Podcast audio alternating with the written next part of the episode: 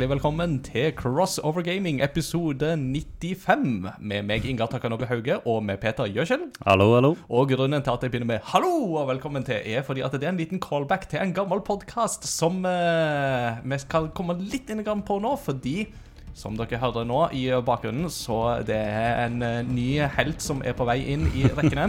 Ja, det stemmer, mine damer og herrer. Fra og med episode 95 så har vi fått med et nytt medlem i redaksjonsspalten, eller eh, programledergjengen, eller hva vi nå skal kalle oss. Jeg vet ikke. Eh, Preste, presteskapet. Presteskapet. Selvsagt. Hvis jeg er første prest, så bør det nesten være presteskapet. Ja, ja, ja. Mine damer og herrer, dere har hørt han tidligere i et par episoder, men det er min store glede å ta imot som fast nye programleder i Crossover Gaming, Jon Edvard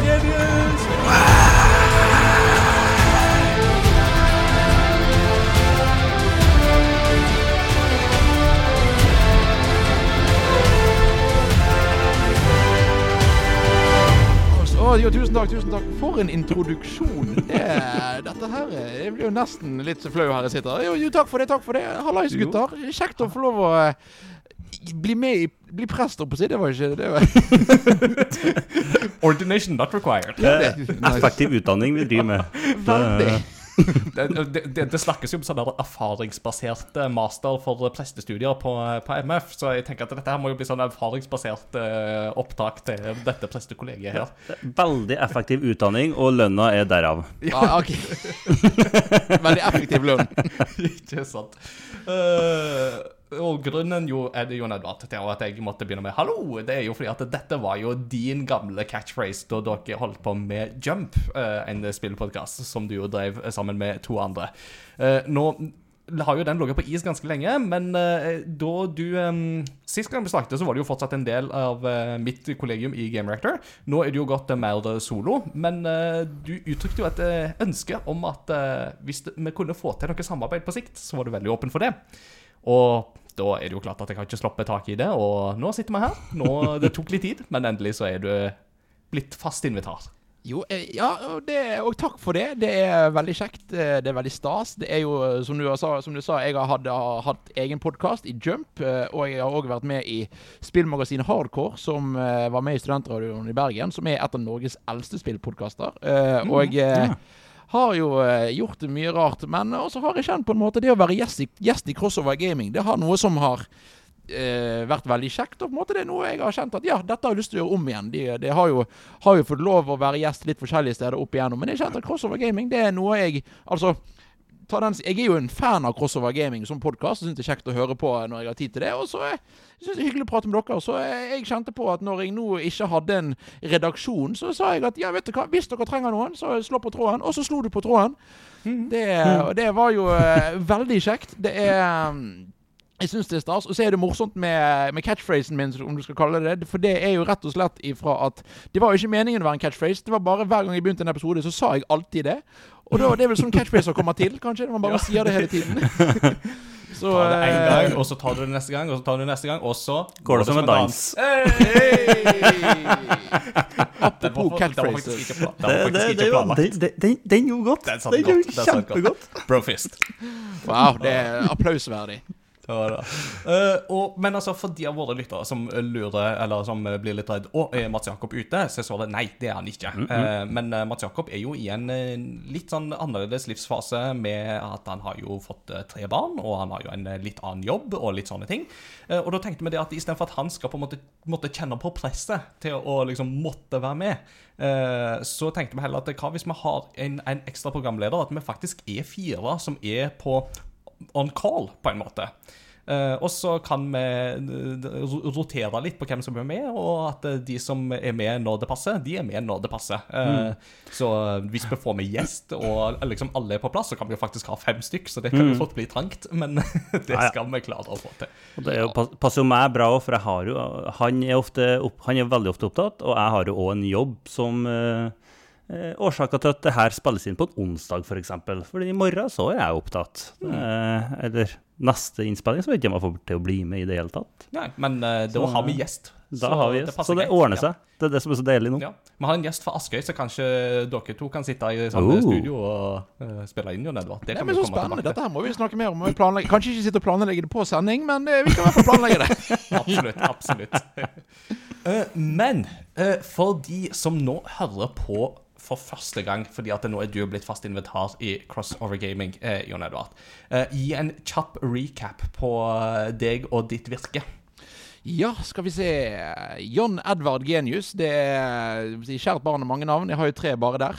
Uh, er tidligere altså spilljournalist ja, spillanmelder, i hvert fall, da. I uh, forskjellige Alt fra studentradio til Game Reactor, hvor jeg da ble kjent med Ingar.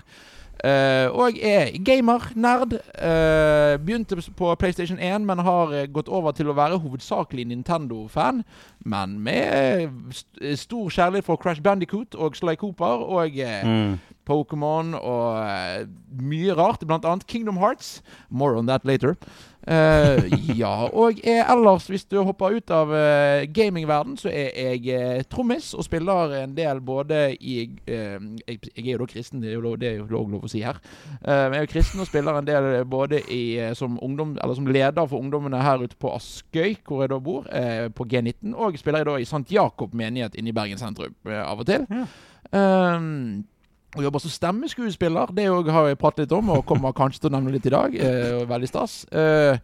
Eh, eh, dere har kanskje hørt Eller dere har sikkert ikke hørt meg, men barna deres har kanskje hørt meg i serier som Max vs. Ertejern, Campus 12, Sara og Sjua-guttene, Krim Team 5 osv. osv. Og eh, syv setninger i en Pokémon-film. Så det er jo stas. Oh. Det er jo store greier. Jeg, jeg, har- jeg har fått med meg et sånt klipp fra en eller annen sånn Askøy nærmedium, eh, eller sånn Askøy 24 eller et eller annet sånt, der du var en sånn ond robot eller noe sånt. Noe. Eh, Stemmer. Der var, der var, jeg spilte Ertejern i Max vs. Ertejern, og det var en veldig gøy karakter. Det er nok det nærmeste jeg kommer å spille Joker. Ja. Eh, det, det, det var, det, jeg, jeg hørte nesten Mark Hamill i hodet når jeg drev og spilte inn. Det var veldig artig. Det var, jeg, jeg hadde såpass mye onde lattere og så mye skriking at vi måtte dele opp innspillingssessionen i to for ikke ødelegge halsen. Oh, ja. Det der, ja. Så det var veldig artig. Og selvfølgelig da mine, mine De vennene mine som fikk det med seg, de syntes ja, da må jo Never gå for kallenavnet Ertejern eller P-Brain. Så det var jo for så vidt hurra. det er, det, er ikke, det er ikke bare fordeler med jobben, men det er, det er for det meste veldig, veldig kjekt. Mm. Stas. Kult. Veldig stas. Vi hadde jo, eh, Da vi hadde Turtles-episoden, så hadde vi jo eh, en som sitter i andre enden eh, av opplegget. For da hadde vi jo Åh, nå blanka jeg helt på navn. Var det Roger? Roger? Eh, Nå blanka jeg helt på navn her. Nei, Jones var det jo han het. Thomas, Thomas Jones. Eh, Roger, hvor fikk jeg det fra? Thomas Jones han sitter jo i andre enden av eh, spill eh, Av eh, stemmeskuespillersjiktet. For han sitter jo mer med det redaksjonelle ansvaret og redigeringer og den slags. Så det er mye stemmeskuespill innom her, i, mm. og det liker jo jeg. Som, eh, å si, eh, som Japan-misjonærbarn, så er jo det med stemmeskuespill er jo et eh, Det er jo noe man lærer seg å sette pris på. Godt stemmeskuespill. Mm. Det, de vet å sette pris på de der borte, vet du, Jon Edvard. Ikke sant? Det er vel drømmen å flytte bort dit og bli eh, superstar. Og eh, få en jobb som Seiyu der borte hadde vært nice. Eh, Da må jeg lære meg japansk først, da. Eh, Men eh, bortsett fra lille, det lille problemet der, så er det veldig kjekt. Og, Det, det holder hvis du bare snakker litt sånn gebrokken amerikansk. Hey you, Sokono boy! det, og så slenger jeg inn en sånn occasional curse word her og der. Men det kan jo kanskje bli litt problematisk. Ja. for oss Ja, da eh, det begynner vi å blande litt kort her, å men det, det skal vurderes Ja. når, jeg, når jeg er ferdig som prest. Som Ja, jeg nå er blitt, tydeligvis. En gang, en gang prest, alltid prest. Ja. Det, Mm. Vel, um, Peter. um, hvordan er livet Du har jo vært i Barcelona siden sist. Det har jeg, og det var digg. Ja. Det er, altså Barcelona anbefales. Eh, stor, vakker by med utrolig mye deilig, interessant eh, kultur og god mat. Eh, by og strand i deilig harmoni. By og Og, strand, hand i hand. ja, Det er jo det. Og eh, sol, altså, ja, sol 5-6-27 grader. Ikke feil. Eh, Det var, nei, det var utrolig deilig. Første utenlandstur jeg og min eh, frue har hatt siden vi gifta oss. Sånn går det i seg i koronatida. Da Ja. blir det ikke mye turer. Men det, så det var veldig stas. Ja, pluss at vi hadde med, hadde med fire søstre og deres ektefelle. da. Men det var, nei, det var utrolig verdifullt. Deilig. Så må jeg jo si at på i går, så tirsdag det her, så var jeg jo faktisk og spilte inn en episode med intro. Eh, det er jo YouTube-kanalen til NLM Ung. Ja, stemmer det. Eh, ja. Så da hadde vi litt om gaming, så da spilte vi Mario Kart. Ja. Så jeg, jeg, jeg, tenkte jeg skulle ta med Mario Kart, for det blir jo jevnt uansett. Mm. Og det ble det. Eh, og jeg må jo faktisk innrømme at jeg har tapt uh, hele turneringa. Yes. You're fired. Skal, skal fortelle deg hvorfor jeg har tapt. Eh, jeg spilte Rainbow Road med et par briller som snudde alt opp ned. Oh, hjelp meg. Oi. Hvor jeg ikke kunne se hele TV-en engang. Og hvis jeg så opp, så gikk jo blikket mitt ned. Ja. det var helt håpløst. Wow. Så det Ja, men det, Ja. Da må jeg si det litt sånn morsomt, for jeg var nemlig òg Jeg var eh, i, eh, da, i, som sagt, i Kirkene på Askøy med som ungdomsleder eh, der. Og da hadde da eh, ungdommene Gaming Night, hvor vi òg da spilte Mario Kart. Mm. Eh, og jeg tapte på Rainbow Road, så jeg føler med deg. Jeg føler Ja, med deg. takk, Vi, de, takk. de tenkte ja, vi må prøve 200 CC. Det kan jo gå bra. Det går ikke bra. Det kan jo gå Det, det, det, det Nei. Så, så, så, så du tapte Rainbow Road med, u, uten briller. Han tapte Rainbow Road med briller. Jeg har rain, eh, ikke Rainbow Road, jeg har briller på. Mm, eh, hvordan ville jeg klart meg på Rainbow Road, mon tro? Det- Du ser hva som skjer med dine briller. Det er en forskjell. Men, men, men, men, eh, men, det, men det er klart at det begynner å sitte ganske godt i fingrene, hvis jeg skal være helt ærlig, i Mario Kart. Så jeg, det hadde vært en gøy utfordring å prøve seg på det der, altså. Da bør du, du burde strengt, strengt tatt da kjøre Mario Kart uten briller. Mario Kart uten skjerm er jo greit, siden du har det i fingrene, tenker jeg. Det er, Ja. Ja, det er jo sånn blindfold gaming og sånt. Det er jo sånn stor Det er ting på det er jo populært, Sånn det. stor ting på Twitch og sånt, er det ikke? Ja, Mm. Mm. ja da. Eh, ellers for min egen del så er det ikke så mye om nytt å melde, egentlig. Uh, eneste jeg stusser på, er jo at noen har skrevet i kjøreplanen 'overraskelse til Ingar', og jeg lurer veldig spent på hva det kan være for noe. Oh yeah, det er meg. Du, for du har jo hatt jobbeslag for ikke så lenge siden. Yes! Og jeg har, jeg har venta og venta og ventet på den gaven din, og den kom eh, nå i går, tror jeg, eller før dagen. Eh, Så det, og da tenkte jeg ja, men det passer veldig bra å gi den til deg nå. Så to sekunder. Oi, dette blir sånn her, nesten sånn som i eh, nerdelandslaget, når de har sånn ha-med-dag. ja, det er ha med dag Ja, vi skal ikke stjele Nei. Jeg fant- ikke inn- Shout-out til Andreas og gjengen. Eh, Vi skal ikke stjele jinglene deres. Jeg fant ikke innpakningspapir. Jeg fant eh, posen som min frue fikk når hun fullførte Vasa... Nei, jo, Vasaloppet. Eh, så du får ikke med deg den, fikk jeg streng beskjed om. Men du skal få innholdet, så uh, vær så god, nå gir jeg deg en gave. Oh, arigato gozaimasu. Jeg har fått en gave. Den er mjuk, så det er ikke Lego. Det kan jeg um, stadfeste med en gang. Eh, er og så posen som jeg ikke får, den uh, trodde jeg et øyeblikk var Digital impulspose, men det var det altså ikke. Og så er det en Oi, det er en T-skjorte. Og er det Kan det være? Kan det være? Kan det være? Kan det være? Ja, det er merch-T-skjorte! Yes. Det er Crossover Gaming T-skjorte med Crossover Gaming og logoen og fonten på forsida. Og så står det da på ryggen 'Ypperste prest' med Crossover Gaming på. Og så er det på, På skuldrene her så har vi òg noe, sju. ja, Så på ene sida så har vi Voldelig jazzballett og en Switch-logo.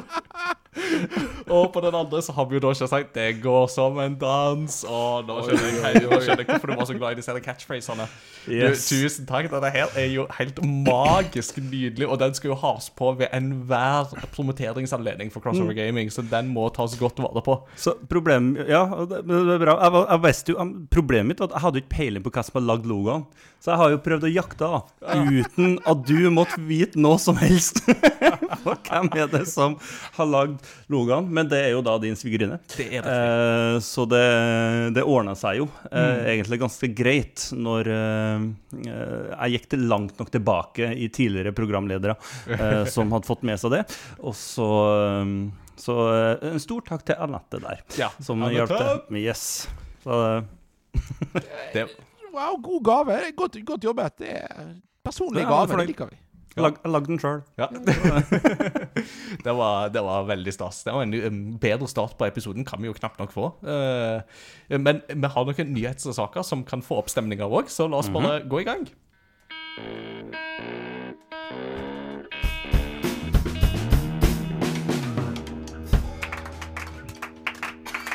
Ja.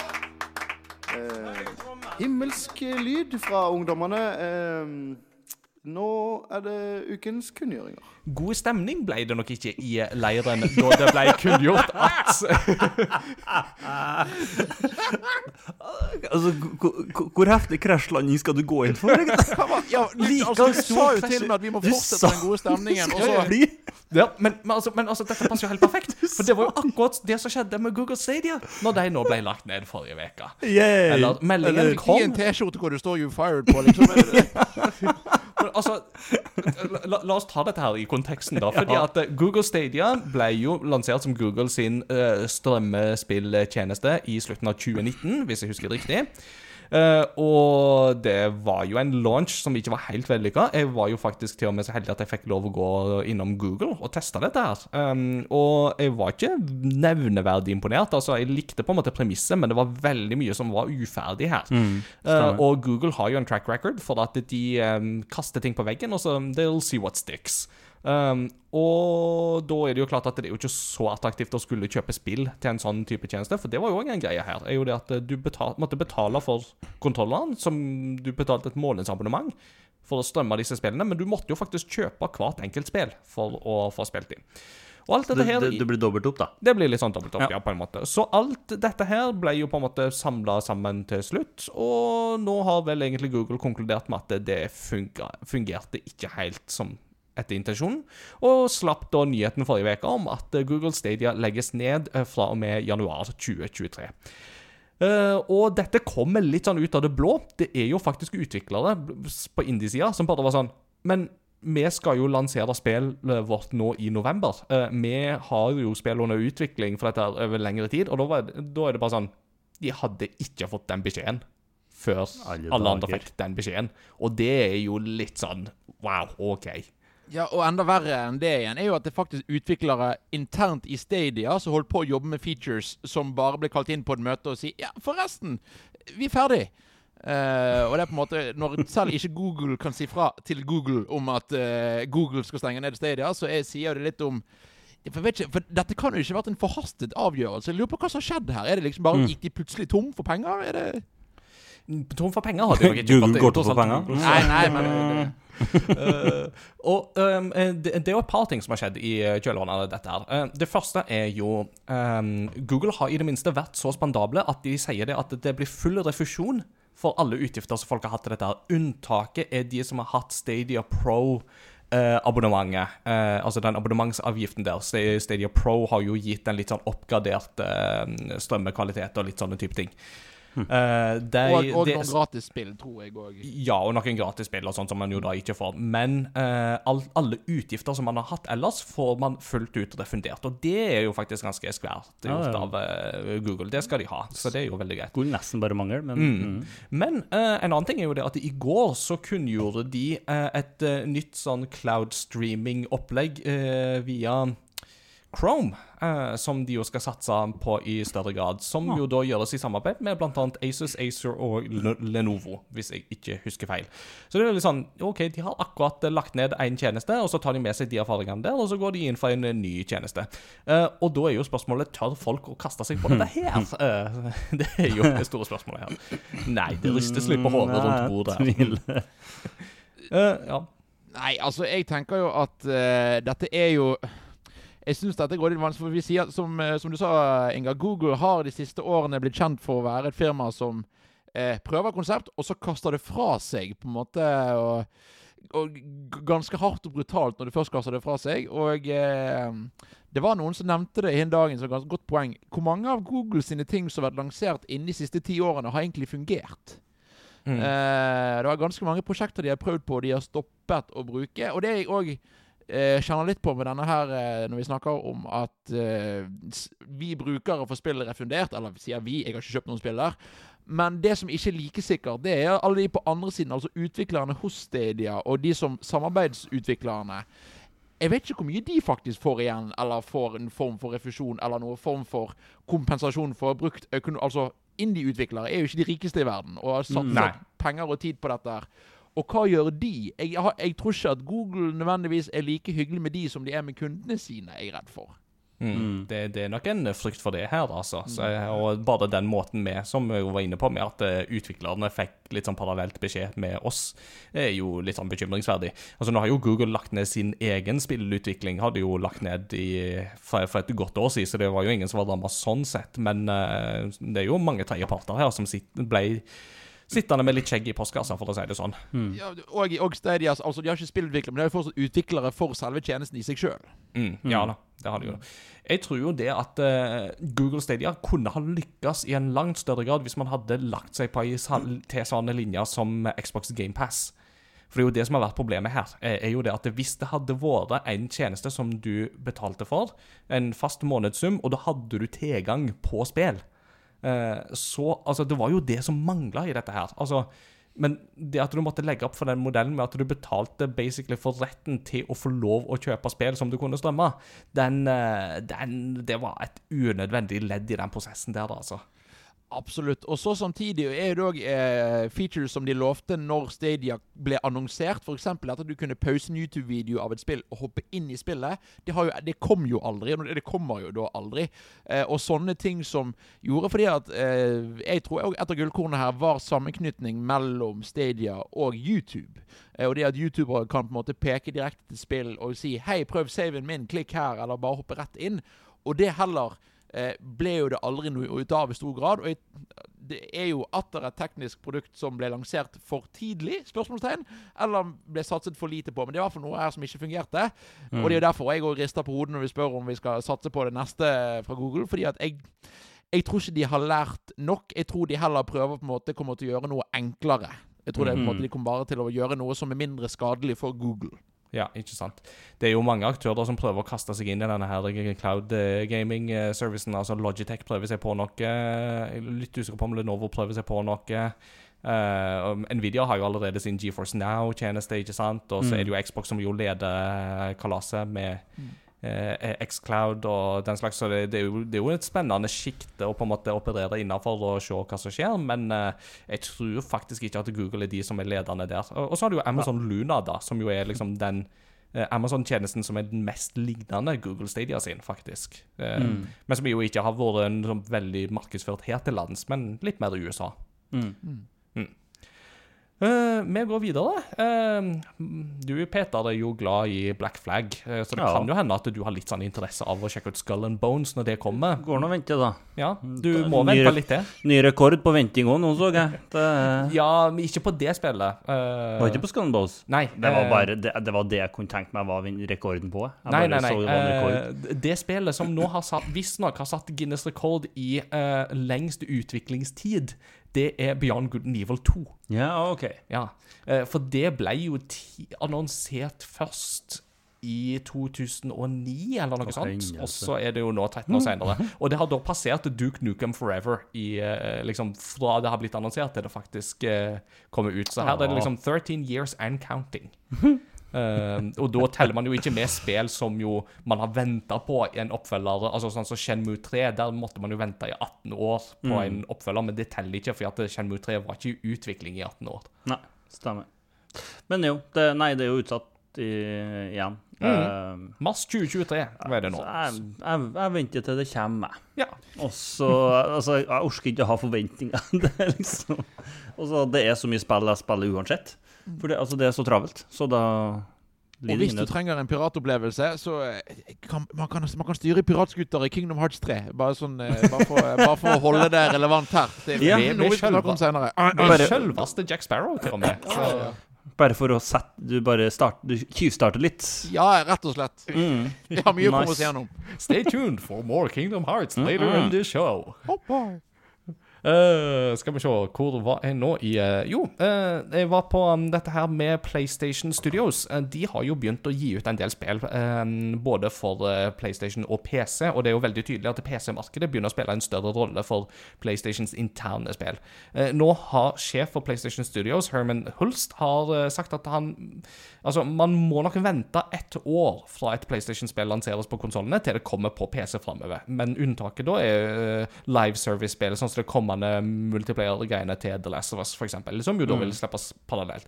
Og det er jo litt sånn greit å vite, tenker jeg. Altså, sånn som for deg, Peter. Du um, har jo en eh, PlayStation 5, men uh, dine elever de skal jo spille på PC. Mm. Så da er det jo greit for deg at da kan du jo gjøre research et år i forkant, og så kan Ja. du jo planlegge å, dette kan vi jo eventuelt bruke til neste år. Ja, det er veldig greit sånn sett. Og jeg, jeg har full forståelse for det. Du vil jo, de vil jo at folk skal ha PlayStation.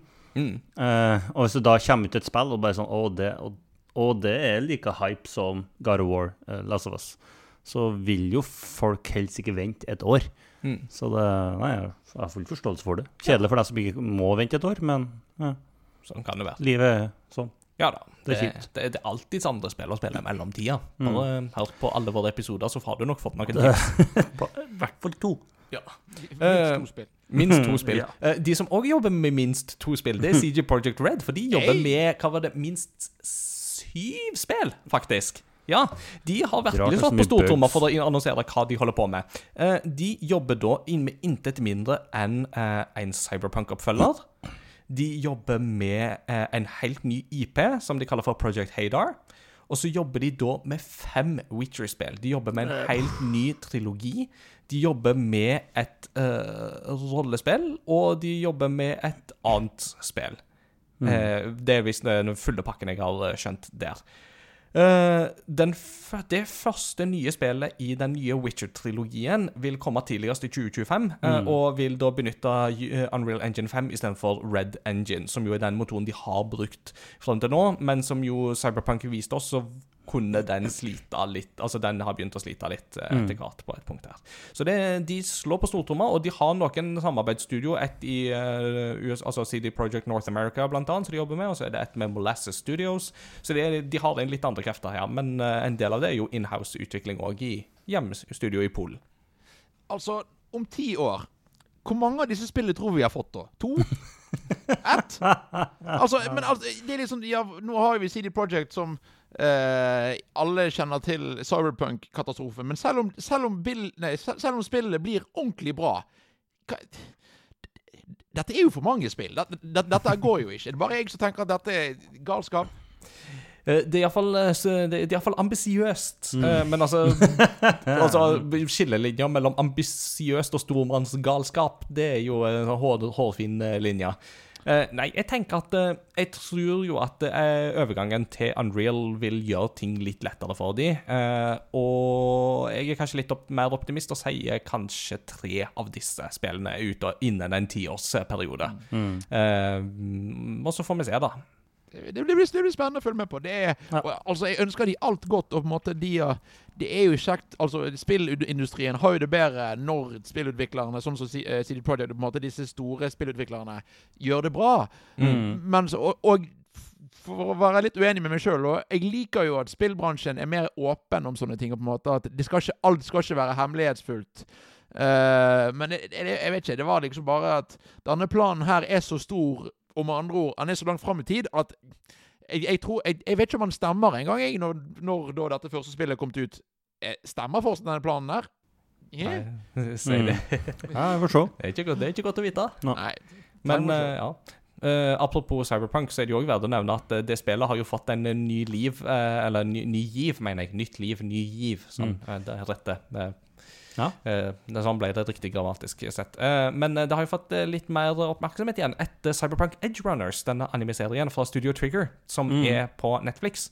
Eh, og jeg tror ikke folk helt har skjønt at du Nei, du kan ikke spille anime-historien i spillet, altså. Men spøk til side, så virker det som at mange nå har tråkket mer over til Cyberpunk igjen. Og de har jo gjort en del endringer i løpet av de to siste årene, så det er jo en viss sjanse for at folk får en litt smoothere opplevelse nå enn da spillet ble lansert. Uh, Skal vel ikke så mye til.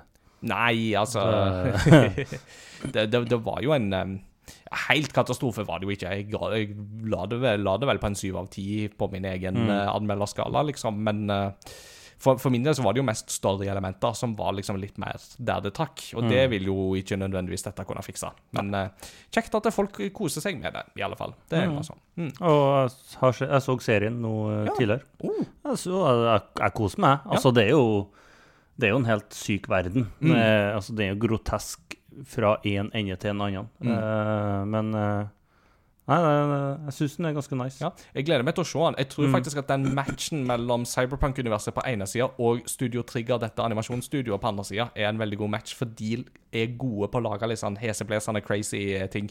Mm. Eh, folk kan bare se Kill la Kill eh, eller Tengen Toppan Gurren Lagann, så vet de hva de har å forvente.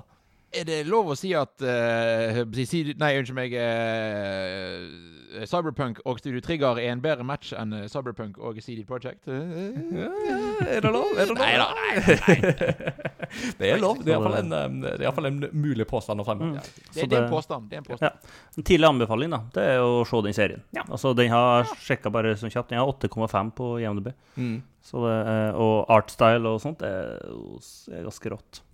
Det er kjekt å høre. Den er på lista, og nå har jeg ferie de to neste ukene, så kanskje jeg får sett den da. Skal, skal jeg se. Jeg må jo begynne på House of the Dragon, for nå har jeg lest ferdig boka. Så. Ja. Uh, og så, uh, når vi er inne på dette her med liksom film, medie og den slags, eh, så er det jo litt gøy å ha med en stemmeskuespiller når vi skal snakke om den første traileren til Super Mario Bros.-filmen, som jo nå har kommet. Ja, wahoo! Eh, og filmen har fått lanseringsdato 7. april 2023. Eh, Jon Edvard, jeg er mest spent på å høre dine reaksjoner først. Hva tenker du om Thailand og det vi har sett og hørt? Uh, jo, det er Skal vi si aller først Jeg syns traileren var veldig gøy. Uh, jeg likte traileren veldig godt. Det er Jeg synes det var kjekt at eh, dette er ikke noen som prøver å måte å snu og vri og vende på Mario-verden, og hvordan kan vi putte dette inn i den ekte verden, eller hvordan Mm. kan vi legge til Hvordan kan vi holly- hollywoodifisere opp, si det, eh, noen spillfilmer, altså sånn som Sonic-filmen Mm. eh, lagde jo veldig sin egen historie på en måte, og lagde det, altså de brukte spillet, men brukte òg mye egne ting. på en måte. Å, Sonic i den virkelige verden. Eller la oss ta den gamle Mario-filmen for å snakke om hvordan Hollywood De kidnapper eh, vår kjære spillkarakter og gjør, gjør det til noe helt annet. Dette føltes ut som folk har tatt Mario-universet og det er jo definitivt lagt til noe nytt her, på en måte, og den humoristiske vrien er jo definitivt noe du ikke får i like stor grad i spillet. Men dette føltes ut som det er en utvikling av Mario-universet. Det syns jeg var veldig stas. Eh, jeg synes animasjonen så strålende ut. Mm. det ser fortsatt ut som karakterene vi kjenner. Det er, det er ikke Minions-versjonen av Mario. Det er Mario. Det er eh, Og så skal jeg si at jeg synes stemmeskuespillerne som er hentet inn de forskjellige rollene, per nå synes jeg passer. Mm. Det er Eh, min umiddelbare reaksjon når eh, Bowser åpna, eller da Bowser åpna munnen, var bare sånn Yes! Mm. For, altså, Casting av Jack Black i rollen som Bowser altså Bare for vi hørte den nyheten, så har jeg jo bare tenkt at yes, det er helt perfekt. Mm. Og det er jo bare sånn når du hører Bowser der òg, eh, så er det bare sånn Yes, dette er Bowser, og det er Jack Black. Mm. I én og samme kjønneforening. Det, dette blir bra. Ja, og så, altså, det funka også, men animasjonene nå, jeg syns det var så deilig. Altså når lavaen liksom kom dryppende ned Mm. i starten, og bare sånn åh Det er så Det er lekkert. en god attention to detail her, altså. Mm. Ja, og så er jo det det, det, det som jeg da For jeg syns det var veldig kjekt. Og så syns jeg det har vært litt trist å følge med på deler av internett som det noen ganger kan være litt trist å følge med på. At, eh, for Chris Pratt, som da spiller Mario, har vi har hørt kanskje tre setninger fra. Og det er jo en mer naturlig stemme enn det vi vant til med Charles Martinet, som har spilt eh, Mario siden 90-tallet. Mm. Eh, men så har jo da eh, omverdenen av diverse grunner gått ganske direkte til angrep og sagt at recasteren, alt er bedre, dette er forferdelig, dette er dårlig. Og så kjenner jeg på at eh, jeg syns det passer å Ja, internettet gjør som det gjør. Det dømmer ganske tidlig og ganske hardt. Mm. uh, men jeg vet ikke, hva syns dere? Hva tenker dere om Chris Pratt som Mario? Det lille vi har hørt. Er det ja, for, imot? Vet ikke. Altså, det lille vi har hørt, det var liksom litt sånn Altså, det var ikke dårlig, men uh, det, det satt ikke sånn umiddelbart for meg heller. Men altså, jeg, jeg er avventende til det. Altså, og det, er litt sånn, det kommer ikke til å irritere meg uh, at Mario høres sånn ut. Og eh, jeg syns jo Eirik i Game Rector eh, kommenterte det veldig fint i nyhetssaken der vi så denne traileren, at eh, det er egentlig veldig godt at eh, han ikke har lagt seg på en litt sånn lettere rasistisk tolkning av liksom Mario-stemmen. ikke sant? For det hadde jo blitt veldig slitsomt. It's a me, Mario, I'm gonna eat some pizza and uh, drink my cappuccino. Altså, Mm. Det hadde jo blitt vanvittig slitsomt i lengden, ikke sant? Så jeg tenker at eh, Chris Pratt, altså Det du kan si om dette, er at Chris Pratt høres ut som Chris Pratt. Ja. Uh, og det er liksom verken mer eller mindre enn det. Mm. Og litt av den der uh, tynen som jo Chris Pratt får, syns jeg er litt sånn nå, nå, nå eh, avsporer du litt. Nå er det holdt på å si Nå går vi litt i andre, kategorier, men altså, jeg koste meg jo med han i Lego-filmen, eksempel, og jeg har en tro på at han kan gjøre en god rolle her. Jeg tenker det er bare uvant.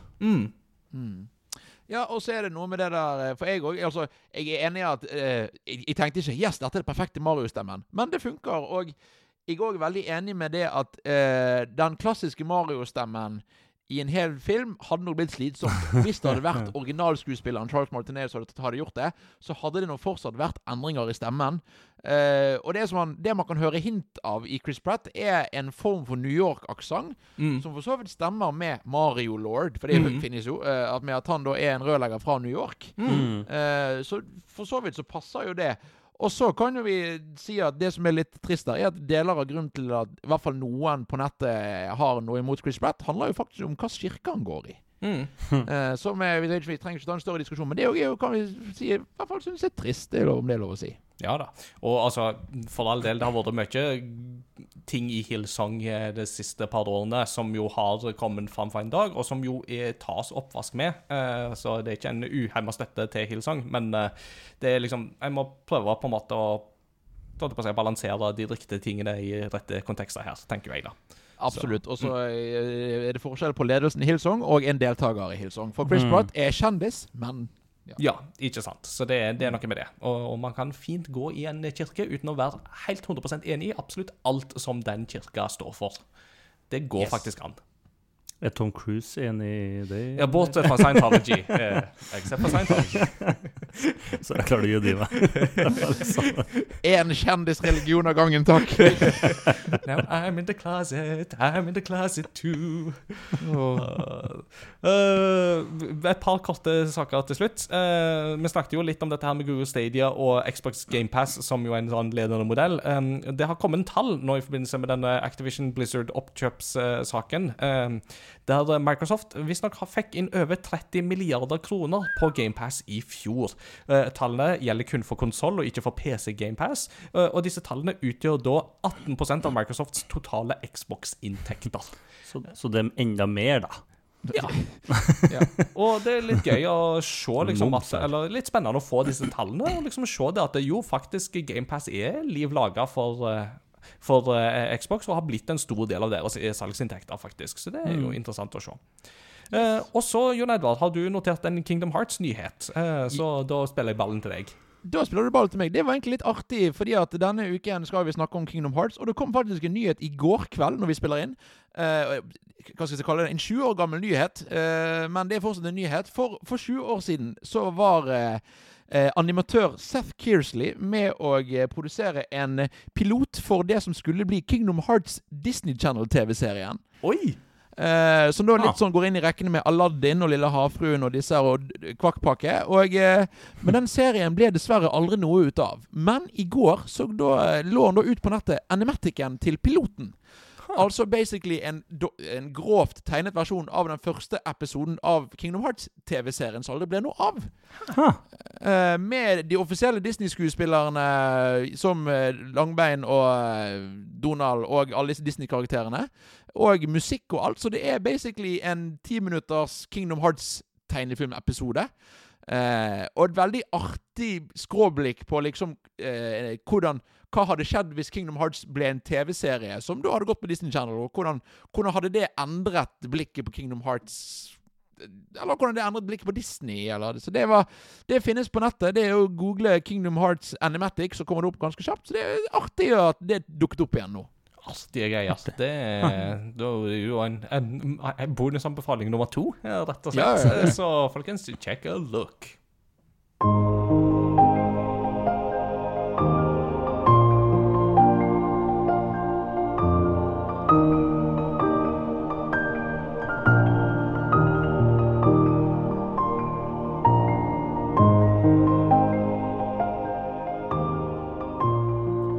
Det passet jo at vi hadde den eh, Kingdom Hearts-nyhetssaken helt på slutt. For som vi har teasa mange ganger, Kingdom Hearts står som tema denne gangen. Eh, og dette var en episode som jeg har hatt lyst til å lage med deg, Jon Edvard, ganske lenge. Eh, og det er det jo to grunner til. For det første, jeg vet du kan mye om Kingdom Hearts. Eh, og grunn nummer to jeg kan veldig lite om Kingdom Hearts. God kombo. ja, Så jeg må bare få det av hjertet med en gang. Jeg har spilt det første Kingdom Hearts på PlayStation 2 eh, lenge etter at det kom ut. Det var vel i PlayStation 3-ens dager, eller i overgangen til PlayStation 4. Jeg har spilt det første spillet, jeg har spilt det helt igjennom, og jeg satt igjen og var litt med. For å være helt ærlig. Og jeg har aldri kommet videre i den serien. Eh, og jo mer jeg ser liksom på ting rundt og diskusjoner rundt, så kjenner jeg at eh, What is this thing? uh, så uh, Here to um, convince me of otherwise uh, har vi Jon Edvard Genius. selv Eller ikke selvskreven Kingdom Hearts-ekspert, men uh, påklistra merkelapp Kingdom Hearts-ekspert for denne gangen. Jeg kan kalle meg sjøl en brutalt ærlig Kingdom Hearts-fan, som vet at serien er ikke perfekt. øh, og når vi snakker om Kingdom Hearts 1, så satt den jeg igjen med ganske like følelser som deg, Ingar. Ja. Eh, så øh, jeg kan jo si så langt at øh, mitt første, det første Kingdom Hearts-spillet jeg forelsket meg i, var ikke Kingdom Hearts 1. Nei, Eh, for det var det- kanskje to. Det var, det, det var faktisk tre. Så det Skal jeg begynne med min Kingdom Hearts-historie, kanskje, før vi tar den kompliserte historien? Kan ta min historie, den er litt enklere. Ja, eh, men før vi kommer så langt La oss begynne med de som aldri har hørt om Kingdom Hearts før. Ja. Og bare liksom prøve å forklare helt enkelt hva er Kingdom Hearts. Eh, det begynte i en eh, heis i Japan på 90-tallet. Der var da eh, Nå husker jeg ikke hvem det var, men det var da en, en sjef fra Disney Japan og en sjef fra Square Enix. Mhm. Eller kanskje det var Square. Det var før de ble sa Det var Squaresoft, ja. Riktig på den ja, tida. Eh, møttes i en heis. eh, og når de gikk ut av heisen, så har de funnet ut at du, vi må jo samarbeide. Eh, og ut av det så ble da konseptet til det som endte opp med å være Kingdom Hearts. Eh, dette konseptet med at Disney og Square må samarbeide om et spill, ble gitt til Tetsuya Nomura. Uh, som da ble uh, serieregissør og spillregissør. eh, som i disse dager er kjent for å være han som har hatt regien på eh, Final Fantasy 7-remaken. Ja. Eh, og på den tid var den som var designeren til monstrene i Final Fantasy 7. Mm. Mm. Eh, og så eh, ble Det begynte jo selvfølgelig med at å, vi lager et spill om Mickey Mouse. Eh, men så fant Tetsuya Nomura ut at nei, vet du hva, jeg vil fortelle min egen historie, men å bruke Disney-verdener som en måte å fortelle denne historien på. Hmm. Eh, så da kommer vi da til eh, tidlig 2000-tallet. Så kommer Kingdom Hearts 1 ut. Og da, hva er Kingdom Hearts? Det er et spill hvor du går fra Disney-verden til Disney-verden for å ja, redde verden og gjøre masse greier som vi skal prøve å forklare etter hvert. Og det er masse Disney-verdener. Det er litt Square Enix inne i bildet med Final Fantasy og andre spill. Og det er Det er, det er mye, men det er gøy. Mm. Og så spiller man jo da, iallfall i det første spillet, så spiller man som en uh, liten kar som heter Sora. Uh, en kar med et uh, kjempestort såkalt keyblade. Altså Yes. en sverdnøkkel-type ting. Ja, Eh, og ha, veldig store sko og altfor mange glidelåser. Fordi at er det én ting Tetsuya Nomura er veldig glad i, så er det tilsynelatende glidelåser. Absolutt. Og så var jo litt av greiene var at eh, det var jo et ønske å bruke både eksisterende Disney-karakterer og eksisterende Square-karakterer. Og Sora er jo ikke det. Han er jo ny. Men han er en Final Fantasy-karakter, eller en Square-karakter, eh, eh, laget i Disney-ånd. Mm. Det er jo derfor disse, disse store gule skoene er jo da basert på Mickey Mouse sine sko. Mm? Og Sora har jo da en rød bukse som kan minne litt om eh, Mickey Mouse. Så det er rett og slett eh, Sora er eh, i hvert fall halvveis Disney pluss Square, Squaresoft. Mm.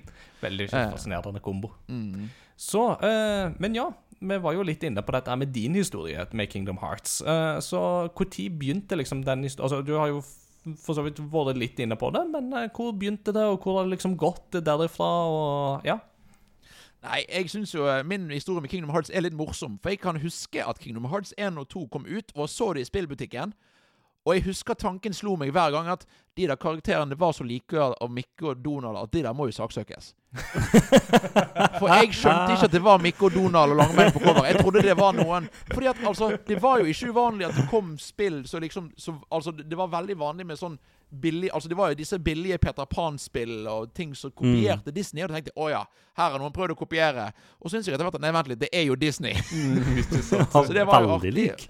Ja, ja, det var veldig Type identisk. Ja, det, ja. Uh, og jeg var uh, betraktet det på avstand ganske lenge, egentlig. Og fordi at uh, det var jo en ganske Altså, å, jeg skal begynne med eneren. Nei, eh, å, jeg har en toer. Og så å, det er noe på Gameboy. Og, og så hørte man jo det man sa på internett om at eh, dette var en veldig vanskelig serie. Og jeg òg, på en måte sett utenfra, var veldig skeptisk. Selv om jeg er en veldig stor Disney-fan. Eh, jeg eh, er til og med så stor Disney-fan at på bryllupsreisen vår eh, når jeg, vi, meg og min kone giftet oss i 2018, dro vi til Disneyland Paris. Og det er liksom Disney er veldig nært hjertet mitt. Mm. Og da kjente jeg at en spillserie basert på Disney Jeg må jo prøve etter hvert. Mm. Så, morsomt du skulle nevne det, Ingar. I løpet av PlayStation 3-æraen så kjøpte jeg Kingdom Hearts Collection og prøvde Kingdom Hearts 1. Ja. Eh, men allerede da var jo Kingdom Hearts 1 blitt noen år gammelt, og eh, jeg spilte det, og så kjente jeg på at nei, dette var ikke noe gøy.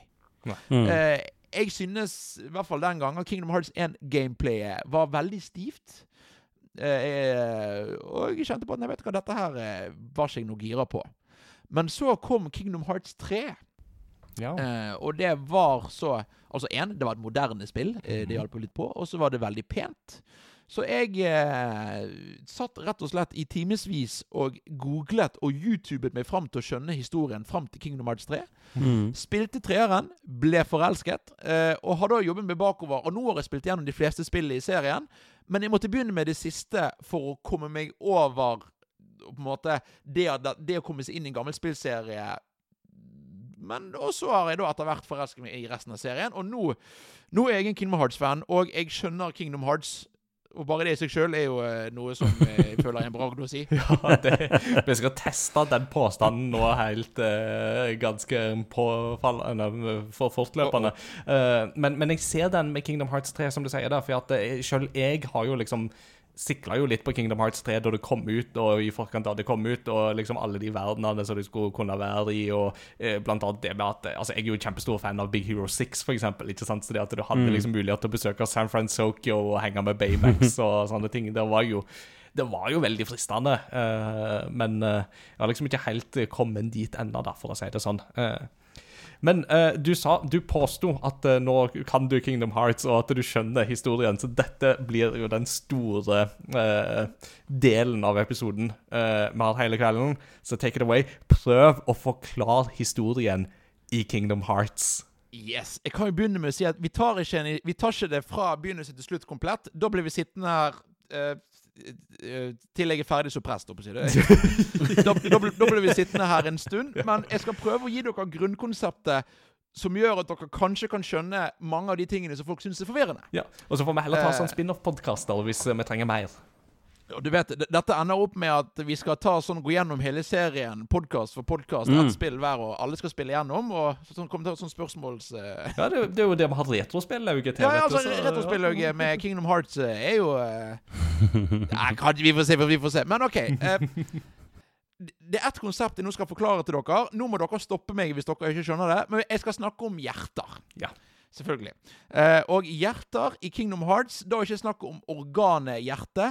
Det er snakk om noe som mer kan eh, ligne på en sjel eller en ånd. Mm. Eh, det er noe som alle har, altså alle karakterene i Kingdom Hearts, men òg alle verdenene i Kingdom Hearts har en form for hjerte. Eh, så alt som lever på en eller annen måte, har et hjerte. Mm. Eh, og det høres veldig abstrakt ut. Og så litt av problemet er at serien behandler det som noe veldig konkret. Eh, og hjerter kan påvirkes. Hjerter kan gjøres onde og mørke, og hjerter kan knuses, osv. Er, er er dere med meg så langt? Ja, so far so good. Eh, En slags form for panteisme eh, i dette her. Greit. Rett og slett. Eh, Men, men det er da ordet hjerter som brukes om dette, selv om eh, det er ikke det, det fysiske hjertet som er snakk om her. Nei. Eh, og så kan jo da vesener bli eh, De kan miste hjerter. på en måte de kan eh, hvis, man blir, hvis man blir slått med, eller drept eller defeated av en keyblade, da, for eksempel, så mister man hjertet. Eh, det som skjer da, er ikke at man dør nødvendigvis. Da blir man delt i to. Eh, da får man det som da på, norsk 'hjerteløs' og 'ingenting', eller på engelsk 'a nobody' og 'en heartless'. Ja. Eh, Heartless det er disse, dere, Har dere sett disse små svarte på en måte, De miniskurkene som er med i Kingdom Hearts overalt? Det er liksom uh, Kingdom Hearts sin Goomba. ja. eh, nesten. Det er da Heartless. Mm. Det er vesener som har mistet hjertet sitt. Riktig. Og da har du da de som har sterke hjerter, altså de som er hovedkarakterer og viktige karakterer, de får Heartless, som ser ut som seg sjøl. Mm. De som har svake hjerter, altså NPCs, eh, de blir da sånne generiske Heartless, som er da de fiendene du, du bekjemper rundt om i, i nivåene i spillet. Mm.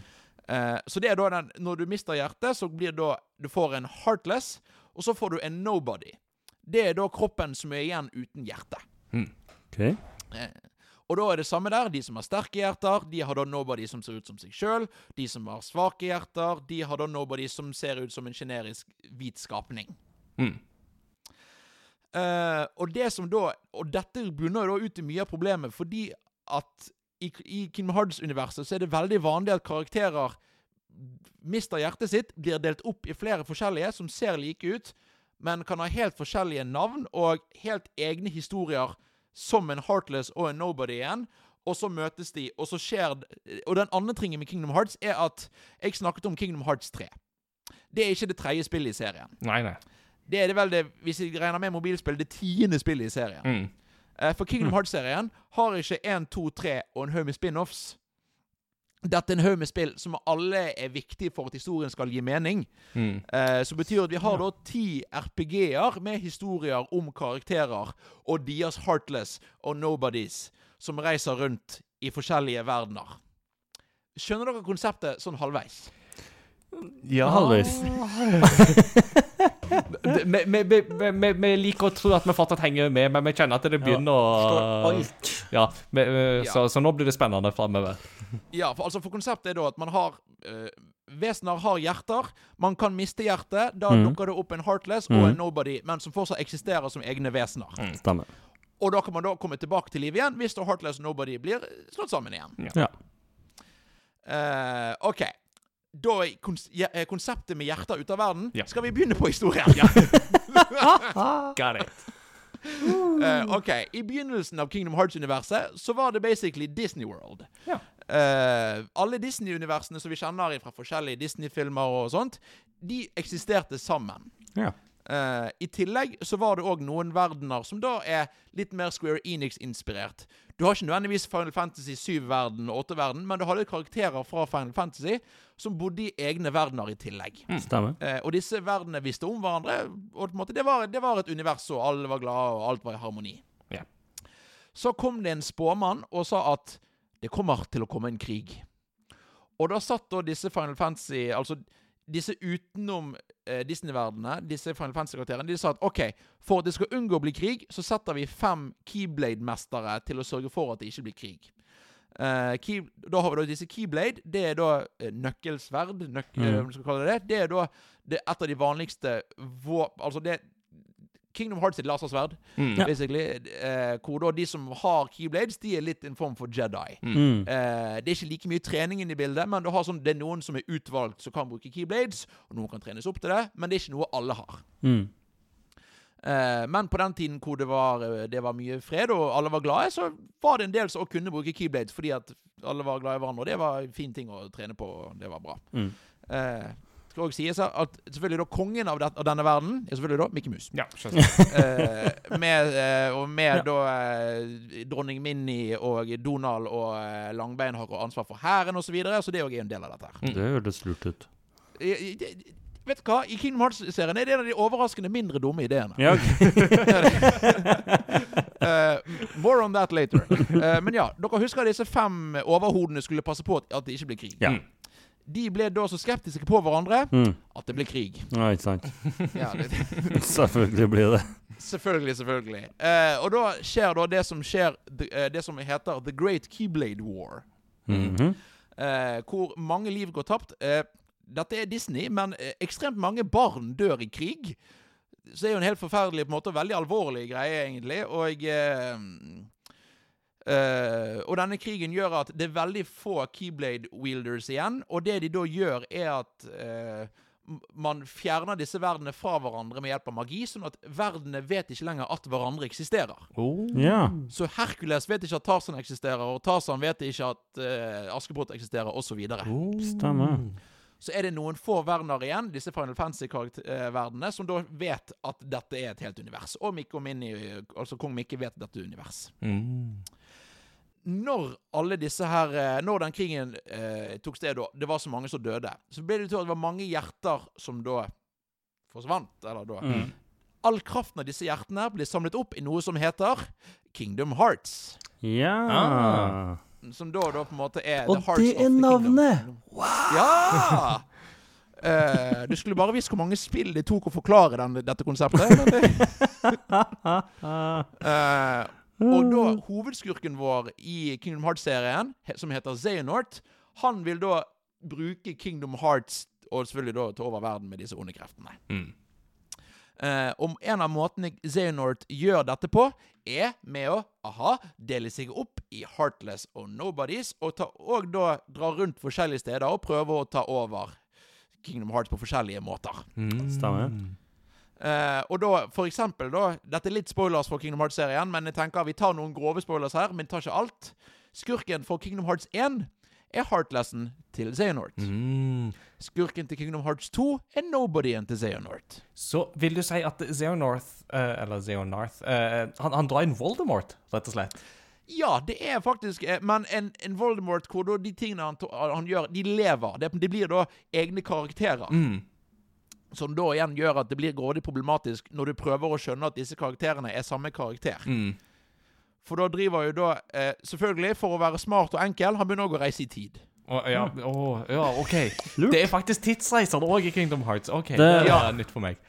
For, for det som skjer, er at Xehanort som gammel reiser tilbake til Xehanort som ond, og forteller unge Xehanort planen til gamle Xehanort, sånn at både unge og gamle Xehanort jobber med planen med hver sin Heartless og, OK. Big og så videre. Og, det- og, det, og det er derfor jeg sier at jeg skal ikke forklare alle disse plottdetaljene nødvendigvis, men begynner dere nå å skjønne litt av konseptet? Ja. Jo, jeg faktisk det. Nå skjønner jeg overraskende mer av Kingdom Hearts enn det jeg har gjort på lenge. Å, så deilig. Eh, du husker hovedkarakteren Sora? Ja. ja. Nei, det hadde jeg glemt, men takk. ja. Han med Ja. Mickey Mouse-skoene, vet du. Jo, jo, jeg Ja. googla på den i stad. Ja, da, eh, mine damer og herrer, nå har vi kommet til Kingdom Hearts 1. Ja.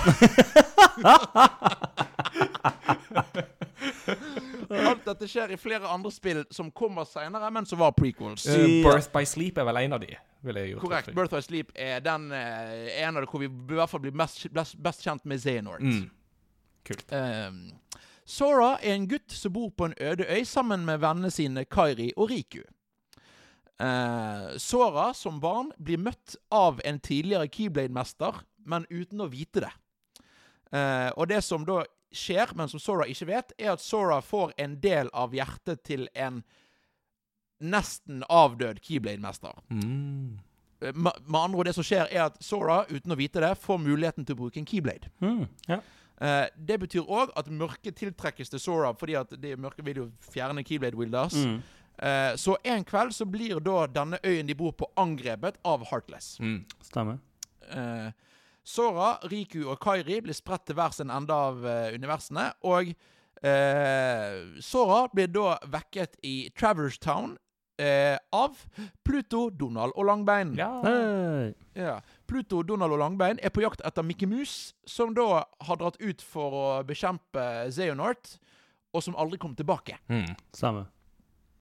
Eh, og da er da Og derfra så er da historien er at Sora, Donald og Langbein reiser rundt i forskjellige Disney-verdener, bekjemper Heartless, prøver å finne Sora og Riku, og prøver å finne kong Mikke. Mm. Mm. Og ut fra der så er egentlig mye av historien fram til Kingdom Hearts 3 ganske lik. For det er Sora, eh, Donald Langbein eller noen andre Kilbed-wildere som reiser rundt og prøver å bekjempe eh, Heartless og Xehanort, og prøver å få tilbake alle vennene sine. Mm. Eh, og det er egentlig på en måte det som jeg har tenkt sånn Det er historien til Kingdom Hearts, eller forhistorien i hvert fall, da. Og det er universet forklart. Har det gitt mening? Du, dette her hadde gitt overraskende god mening. Uh, det er, jeg, jeg må si jeg er imponert over dine pedagogiske evner her nå, for at nå skjønner jeg plutselig vesentlig mer, og får jo nesten lyst til å plukke opp i Kingdom Mm. Hearts 2 og liksom fortsette der jeg slapp, så For, For det var nettopp det når jeg fortalte om at jeg, jeg drev og googlet meg og youtubet meg klar til Kingdom Hearts 3, sånn at jeg skjønte akkurat nok til at Og det er mange ting jeg ikke skjønner, for all del. Og det er mange eh, Og Kingdom Hearts 3, eller altså med Kingdom Hearts-serien, er ikke alltid god på historiefortelling. Nei. Mm. Eh, det skal sies. Men du skjønner det meste når du skjønner grunnkonseptet. Ja. Mm. Eh, og selvfølgelig eh, Historiefortellingen og mange av disse originale karakterene har en litt sånn japansk anime-flair. Det er veldig overdramatisk og, uh, og the par, Altså det, Setningen 'friendship is power' blir sagt mange ganger gjennom serien. Uh, ikke bare De sier det. Det er direkte sitat. Så det er veldig sånn uh, Mye av det er sånn 'Å, vi vant fordi vi er glad i hverandre'. Ja, ja. The power of. Yay. Jo, jo, men og det er Og, og, og Sora er en veldig klassisk shonen-karakter, egentlig. Mm. Eh, minner veldig om f.eks. Naruto eh, i karaktertrekket. Han er Ja. alltid glad og finner alltid en løsning. Eh, og, det, og det som er så spennende, er å se han omringet av Disney-verdener på ene siden, og veldig til tider dype og mørke karakterer, ofte med disse svarte si, frakkene som mange av Kingdom Hearts-karakterene går med. Eh, og det i seg sjøl er en ganske interessant ting, fordi at eh, For liksom Så kan man spørre seg Dette er så rotete. Hvorfor funker Kingdom Hearts? Eh, som vi nå vil gå litt videre på, da. Det er at eh, med denne tematikken om mørke og eh, tematikken om hjerter og mistehjerter og hjerteløse og sånn, kontret med Disney-verdener og lys og sånn, eh, så får du veldig mange samtaler som ikke nødvendigvis alltid er de de mest intelligente, men du får mange sitater så jeg tror mange eh, Mange som har spilt spillet, gjerne kan kjenne seg igjen i på en eller annen måte. Mm. Enten det å savne hjertet, eller å ha Altså eh, Kingdom Hearts snakker mye om forskjellige måter å være trist på, eller å miste hjertet, eller å være hjerteløs. Og det tror jeg det er mange av de som har spilt serien, og la oss si det som det er, det finnes mange gamere, og spesielt de som faller inn i sånne serier. De har gjerne ikke det store sosiale nettverket, eller de har kanskje Mm. De, de bruker gaming som en trygghet. Mm. Uh, og det er da en spillserie som uh, inneholder Mikke Mus, kan òg kommentere om ting som angir hvordan de føler seg. Mm. Eller på en måte som går inn på dette med følelser, og det å føle at ting er kjipt og ting er ondt, og man kan føle man mister hjertet. Det tror jeg faktisk er en grunn til at Kingdom Hearts har slått så godt an. Mm. Jeg ser jo for meg at det faktisk har en litt sånn ekstra resonans med det japanske publikum. For at det, i Japan så har man jo veldig få arenaer for å nettopp snakke om disse tingene. ikke sant? Altså, Mm. Nå er vi jo inne i eh, Mental helse-veka uh, i det vi tar opp denne episoden her. Uh, og det er jo et viktig punkt, ikke sant? Altså at det å kunne snakke om disse tingene har en, har en stor betydning. Og for veldig mange i Japan så mangler man jo de arenaene der. Fordi at det er ikke vanlig, og det er fortsatt litt stigmatisert kanskje på visse områder og sånt. Så ja, jeg, jeg, ser den som du sier der, altså. Mm. Det, og det er på en måte Og så igjen, og så får du òg Du får Disney-gleden. Han er der definitivt veldig godt. Eh, og en ting som jeg faktisk eh, vil kommentere, er at i hvert fall delvis så klarer Kingdom Hearts-spillene å bruke Disney-historiene ganske bra i sin egen tematikk. Mm. Eh, jeg har jo nå faktisk for denne podkasten spilt igjennom Kingdom Hearts 3 på nytt. Oi! Ja. Eh, det er mer om det etterpå. Eh, men eh, Og der, for å ta eksempel, så har de en Toy Story-verden. Mm. Eh, Nice. og da snakker de om hva er et hjerte? Har en ting, kan en leke ha et hjerte? Mm. Eh, og da er det da Og Buzz Lightyear eh, Det morsomhet eh, Buzz Lightyear sin historie i- Toy Story 4 er ganske lik hvordan Buzz oppfører seg i Toy Story 3. Nei, unnskyld meg, Kingdom Hearts 3. Mm. Ja. Mm. Eh, fordi at han da eh, det, blir- det er en leke som blir tatt over av et ondt menneske, og da blir Buzz sånn Jo, men kan vi hva, hva betyr dette at, at Fordi at de er jo levende leker. Hva er forskjellen på en levende leke og en leke som blir tatt over av noen andre? Hmm. Og, hva, og litt sånn det der Og i, i Monsterbedriften, som òg er en verden, så snakker de I Monsterbedriften så henter de jo skrik fra barn. Mm. Og skurkene syns det er veldig interessant hvordan da disse monstrene klarer å utnytte sorgen til barn. Eh, det er ikke alt som fungerer like bra. Noen ganger er det liksom Å ja, her bare skjedde historien mens vi var med på det. Mm. Ja. uh, men det er, og noen ganger så klarer de å bruke tematikken ganske bra på tvers av film og serie. Mm. Fascinerende, Kult. altså. Kjempefascinerende. Jeg hadde et eh, spørsmål her om liksom dette her med hva skaper den her dedikasjonen til Kingdom Hearts, men det tror jeg egentlig du allerede har svart veldig greit på. Ja. Uh, så jeg tenker at det, det Altså Jeg tenker at eh, Peter, har du eventuelt noen oppfølgingsspørsmål her før vi går imot det avsluttende spørsmålet?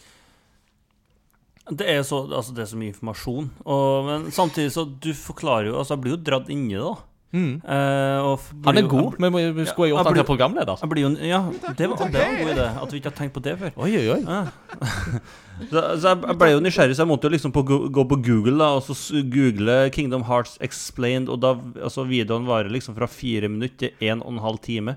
Eh, og du må jo forklare uten bilder. Så hvis de skal bruke en og en halv time med bilder, så sier jo det sitt. Mm. Uh, men Ja da, og, og det er definitivt detaljer her som jeg på en måte har bommet på, og som sikkert en eller annen Kingdom Hearts sitter og sier Ja, men det er jo ikke akkurat sånn, for i det spillet så sier han Så det er på en måte detaljer som simplifiseres, men, eh, men jo, takk, takk. Det er veldig hyggelig. så Og så vil jeg også da nevne, før vi går på det avsluttende spørsmålet, grunnen til at jeg har forelsket meg i Kingdom Hearts. For jeg har en egen sånn joker som jeg virkelig digger. Ja. Og det er nemlig Kong Mikke. Åh. Fordi at eh, Det er veldig spennende. I Kingdom Hearts 1 så fikk ikke Square lov å bruke Mickey Mouse i mer enn én scene. Nei, stemmer det. ah, Så, så han dukker opp på slutten. Og det som er veldig interessant med Mickey Mouse, er at for de andre karakterene fra filmer og sånn som dukker opp i Kingdom Hearts, det er veldig tydelig. Det er karakteren fra filmen. mm. Mickey Mouse spesielt er en karakter så overraskende mye mer voksen enn den du, den du ser på en måte i, de, i tegnefilmen. Mm. Uh, dette er en Mickey Mouse som har levd et liv som en konge. Dette, dette er en Mickey Mouse som har vært i krig. Ja, Mm. faktisk. Uh, dette er en Mickey Mouse som kan være truende. Eh, og på en måte som er veldig autoritær, og som jeg syns er Jeg synes det er veldig spennende, fordi at de har klart å beholde Det er fortsatt Mickey Mouse, men han er en overraskende episk karakter i dette universet. Mm. Eh, og det det er spesielt en scene hvor det er en av hovedkarakterene i Kingdom Hearts 2 som man tror eh, dør, for han ofrer seg sjøl for å redde Mickey Mouse. Mm. Og det som skjer, er at de andre karakterene blir lei seg. Mickey Mouse blir først lei seg, så tar han og holder keybladet, blir sint og sier 'They'll pay for this', og løper mot fienden. Oi. Så det er ikke bare Sunshine and Rainbows. Det er Mickey Mouse som Det er nesten litt skummelt til tider. 'They'll pay for this! Ha-ha! De er nesten sånn. Yeah. Men han ler ikke, han mener det. Det var det. Det var det jeg så for meg det òg. er òg en litt sånn fascinerende bit av det. Mm. Spennende. Men eh, tilbake til Men ja, det, altså, for min del altså, Det er jo alltid Det er som regel ett spørsmål som dukker opp her, og det er jo det du har skrevet ned òg. Og det er jo altså, hvor, begynner man hvis man skal spille Kingdom Hearts? Jeg har på en måte følt at det kanskje er lurt å starte med treeren. eh, basert på et par hint som ble droppa litt rundt omkring. Eh, men du skal nå få svare skikkelig sjøl. Hvor starter vi?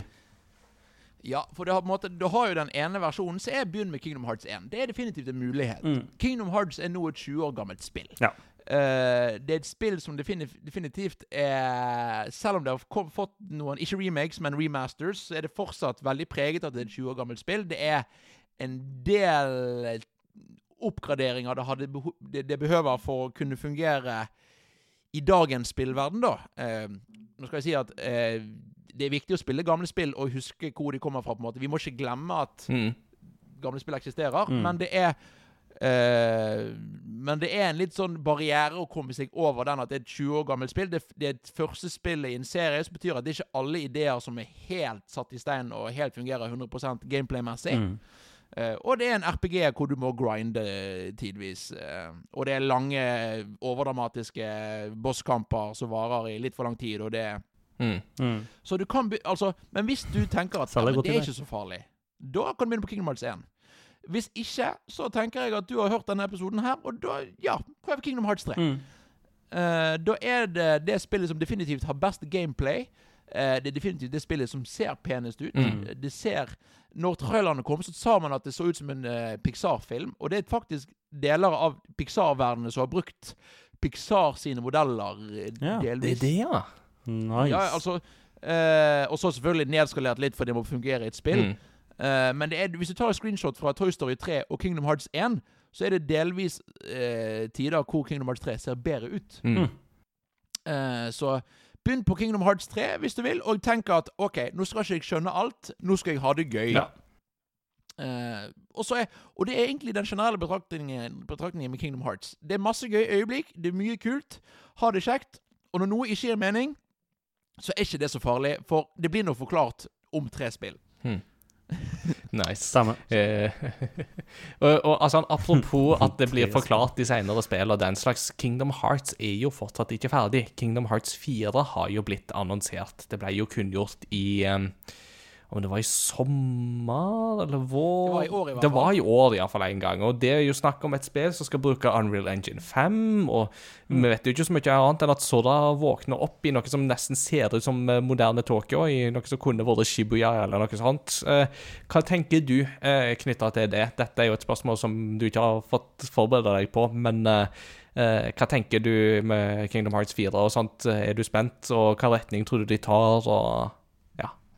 Det er veldig spennende, fordi at Kingdom Hearts 3 var på en måte slutten av historien som begynte i Kingdom Hearts 1. Mm. Uh, så det Xehanort-saga, eller hva du skal kalle det, den er på en måte Det er et lukket kapittel i Kingdom Hearts 3, så Kingdom Hearts 4 er en ny historie med Sora, da.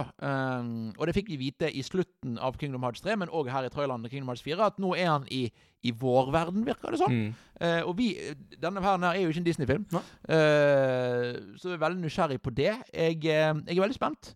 Det mange av oss har håpet på, er at vi får si, Folk begynner å bli litt ferdig med Sora.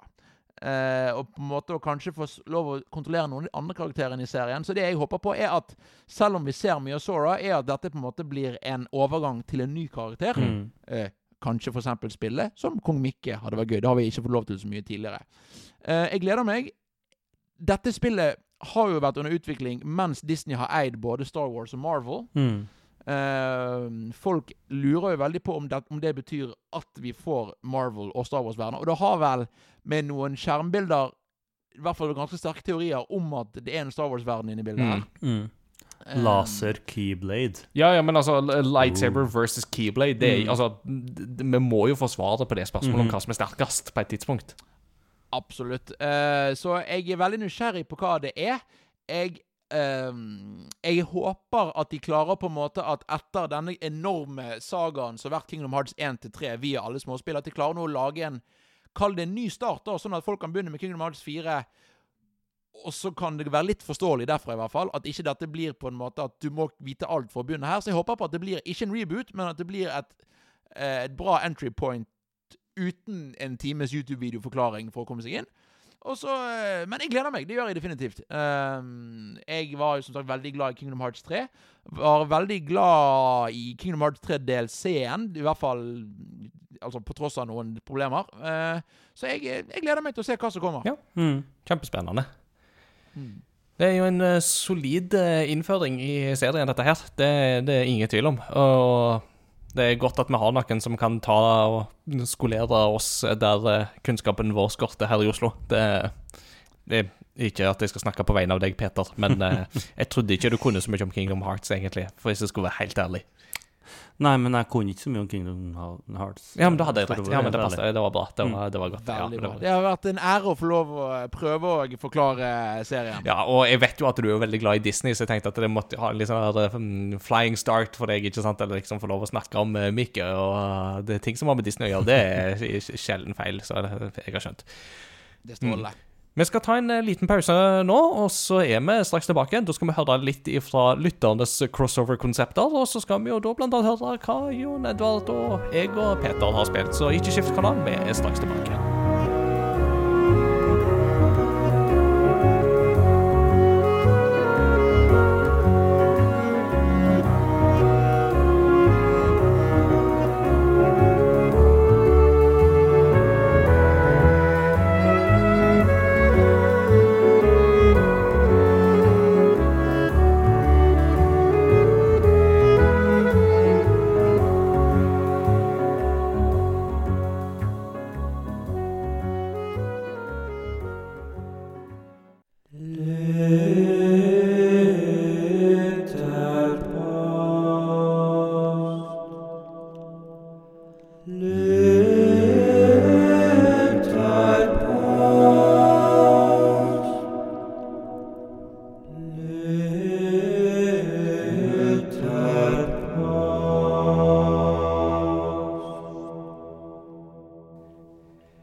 Har fått litt eh, godt i kroppen, og Peter har funnet en lementin og greier, så det er, det er snart jul. Det er Ikke så lenge igjen nå. Eh, sykt digg. Det er godt å høre det, folkens. Eh, ja, da, da har dere hørt det, folkens. Klementinene er allerede in season, og de er gode, så er bare å ta det med dere. Er det jo en anbefaling. Dette begynner å bli ekstremt. Dette begynner å dra på seg med anbefaling på anbefaling på anbefaling. Vi har bare ikke kommet til anbefaling ennå engang. Det er Ai, ai, ai. Nei, men vi er ikke i anbefalingsseksjonen, vi er i lytterpostseksjonen. Eh, Og i dagens lytterpostseksjon så tenkte vi jo på det at vi skulle snakke om en eh, crossover-verden. eh, Altså mellom Kingdom Hearts, altså Final Fantasy og Disney og den crossoveren der. Og i crossover gaming så er vi jo, som navnet sier, glad i crossovers. Altså, det ligger liksom litt i navnet. Og da har vi lurt på hva crossovers vil folk se mer av i spillmediet. Og da har vi jo utfordra de på å prøve å tenke liksom crossovers mellom spill og andre franchises, for eksempel. Som eksempel Need for Speed møter Fast and Furious eh, var jo et eh, innspill som eh, kom. Interessant nok så var det en av lytterne våre som kommenterte det i en annen kanal. Andreas kommenterte at det finnes faktisk en crossover mellom Fast and Furious og Forza Horizon. Skrev han. Men ikke med Need for Speed, til tross for åpenbar inspirasjon begge veier. Så mm, da så, Det var ikke helt dumt, den, altså, med, med det eksempelet der. Så jeg vet ikke, kanskje Jon Edvard, kanskje du har lyst til å begynne med et av eh, lyttersvarene? Jeg kan jo ta eh, fra Godspark. Jeg må jo si eh, her er det en engelsk skildring som jeg syns var mesterlig. Mm. Han har da foreslått Tomb Raider Cross Indiana Jones. Ja. Det er jo da Tomb Raider eh, spill, spillserie som har fått filmer, og Indiana Jones er filmserie som snart skal få spill fra Microsoft. Og Og yes, og fra Machine Games eh, til og med. Det, det, blir, det blir så kult, det, når Wolfenstein-folka skal lage det. Ah. Og da har Godspark skrevet her at uh, two aspiring slash seasoned archaeologists embark on a journey to uncover secrets of Norse, Norse mythology. Although they share similar skills, their differences in methods and ethics will also cause clashes and fights between them. Det er jo faktisk Salgspitchen er Altså- jo magisk. Åh, Altså, det Oh. Ja, for chills. For chills. oh, det er nydelig. Uh, Skorpus Adrian han skriver Vel, Mario i Rayman eller omvendt hadde vært gøy. Det får vi jo faktisk nå med Mario plus Rabbits. Rabbids. Ja, yeah. Mario plus Rabbids får jo Rayman DLC, så det er jo det nærmeste vi kommer der. Um, utenom det så er det sikkert mye gøy som kunne vært crossover til Mario Kart, flere karakterer og baner som passer til det. Og selv om vi mest sannsynlig ikke får det, så har jeg lyst på Tekken versus Street Fighter. Eh, En siste ting, Mario og Link kan gjerne samarbeide om å redde hverandres prinsesser. litt Altså, de er fryktelig dårlige til å holde på kvinnfolka. Det, det er jo helt utrolig. Eh, det var litt artig at han nevner Tekken X Street Fighter her, fordi at det var jo et spill som var under utvikling. Altså fordi at du hadde jo Street Fighter X Tekken kom jo ut, og så skulle de lage parallellspillet Tekken X Street Fighter. Og konseptet der var jo det at Street Fighter X Tekken var jo da Tekken-figurer som kom inn i på en måte Street Fighter-spillmekanikk, altså mer liksom todimensjonal fighting, sånn som vi kjenner Street Fighter. Men så skulle det jo gå andre veien òg, med Tekken X Street Fighter. Der eh, sånn som Ryu og Ken og Chun-Li og de skulle bevege seg i mer tredimensjonale arenaer og slåss mer i Tekken-stil.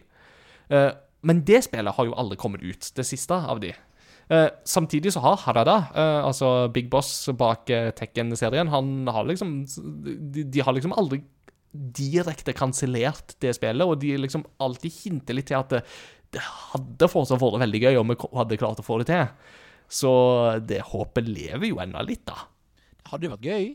Ja, det var veldig gøy. Særlig nå som både Street Fighter 6 og Tekken 8 er i anmarsj og virker til å bli veldig, veldig bra. Eh, Absolutt. jeg leste um, din tidligere med-co-host uh, Michael skrev, testa jo Street Fighter 6 og skrev Ja. om det på Game Reactor. Og, altså betaen, da, vel å merke. Og var jo veldig positiv. Så det var veldig kjekt å lese. Og jeg blir, jeg blir gira, kjenner jo jeg òg. Altså. Yes, da kan jeg ta uh, siste, da. Det er Benjo. Ja. Han har skrevet Ikke egentlig et svar på spørsmålet, men en positiv overraskelse når jeg oppdaget det likevel. Far Cry 6 sin crossover med Stranger Things er meget verdt tiden man bruker på å skyte seg gjennom alle fiendene man finner i The Upside Down. Ja. Oh, ja. Det er en snasen en. Kult. Jeg er jo havna veldig i Stranger Things-hullet de siste ukene med å ha sett eh, de tre første sesongene, så Ja. det hørtes jo faktisk veldig gøy ut. Mm. Det er jo nesten verdt å prøve det. Ja. Eh, har dere noen sånne crossovers dere gjerne skulle sett? Jeg kom på én mens uh, vi leste eh, det ene der. Jeg vet ikke hvorfor jeg kom på det når, med det Benjamin sitt, men det var vel litt det at jeg tenkte spill og, og film. Så var det Av en eller annen merkelig grunn så var det liksom det første som poppa opp i hodet mitt. eh, Det var vel sikkert pga. Stranger Things. Ghostbusters og Luigi's Mansion. Ja. Uh, og grunnen til at jeg kom på det, er jo det at de kler seg ut som Ghostbusters i sesong to av Stranger Things. Uh, disse ja. kidsa hadde halloween, så var det sikkert derfor jeg kom på det. Uh, men altså, det er jo åpenbar inspirasjon fra Ghostbusters i Luigi's Mansion, men det hadde jo vært veldig gøy hvis han går der og bare Mario, Mario, ah, ah, Og så kommer bare Ghostbusters! Ah, Stemninga hadde jo absolutt vært på topp, så jeg hadde gjerne tatt, tatt den. da altså. Mm. Det er jo min sånn bare fra toppen av uh, skallen, skal du si. Det er, jeg tenker på Doomguy og Halo. Mm, ja To, to based som eh, samarbeider. Det er jo eh, Eller på et Ja, det, det, det, det kunne vært kult. Lett. Det hadde vært kult. Nei, det morsomme er at jeg har alltid liksom eh, Jeg har tenkt på crossovers kunne være kult. Og så innser jeg ofte at de crossoverne jeg tenker på, det er egentlig bare karakterer fra film eller serier som jeg vil spille som. Mm. Eh, så det handler egentlig eh, så, Men jeg har, jeg har ikke noen sånne store eh, gode forslag, egentlig. Jeg, jeg er fornøyd med å få ti Kingdom Hearts-spill. Jeg, tenker jeg, jeg, har fått, jeg har fått mer enn nok, egentlig. Jeg, det, jeg, trenger ikke flere universer som må forklares med hvorfor de kan være sammen og ikke være sammen. og sånn Jeg, liker det når verden har, når, sin, Kjør din egen greie, så jeg ikke må bruke en halvtime på å forklare det i en podkast. Åh, ja, nei, det er hårda budet der. Så ikke noe Kingdom Hearts videre på deg, altså? Jo, men jeg trenger ikke flere, for jeg har Kingdom Hearts. jeg, jeg, jeg, jeg vil ikke sitte og forklare Lauren til hvorfor Fast and Furious skal passe inn med Legends of Zelda. Nei. oh, der har vi en gøy ennå. Nei, nei, nei. nei. jo, jo, Det er det vi ikke.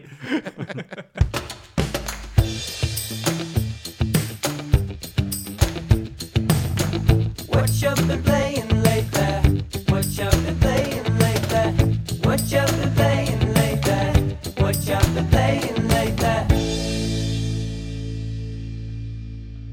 Ja, jeg tenker at uh, den ferskeste programlederen skal få lov å begynne jeg med hva han har spilt. Uh, så um, ja, du kan jo gå til Du var jo med i Våres en gang. Jeg husker ikke hvor, akkurat eksakt tid det var, så men det er ikke sikkert du heller husker det. Men uh, du kan jo gå litt tilbake noen par måneder i tid og fortelle oss hva, hva har du spilt i det Jeg siste. kan, si, jeg kan si hva jeg har spilt i det siste. Jeg har på en måte hatt en kan ligge en ganske god sånn gaming-rytme i det siste, føler jeg. Jeg fått spilt gjennom litt uh, spill. Jeg har eh, spilt uh, mye Splatoon 3. Ja, Uh, det er gøy. Det er veldig gøy. Det er Jeg eh, var veldig glad i Splatoon 1. Jeg var veldig glad i Splatoon, Splatoon 2. eh, Splatoon 2. Jeg er veldig glad i Splatoon 3.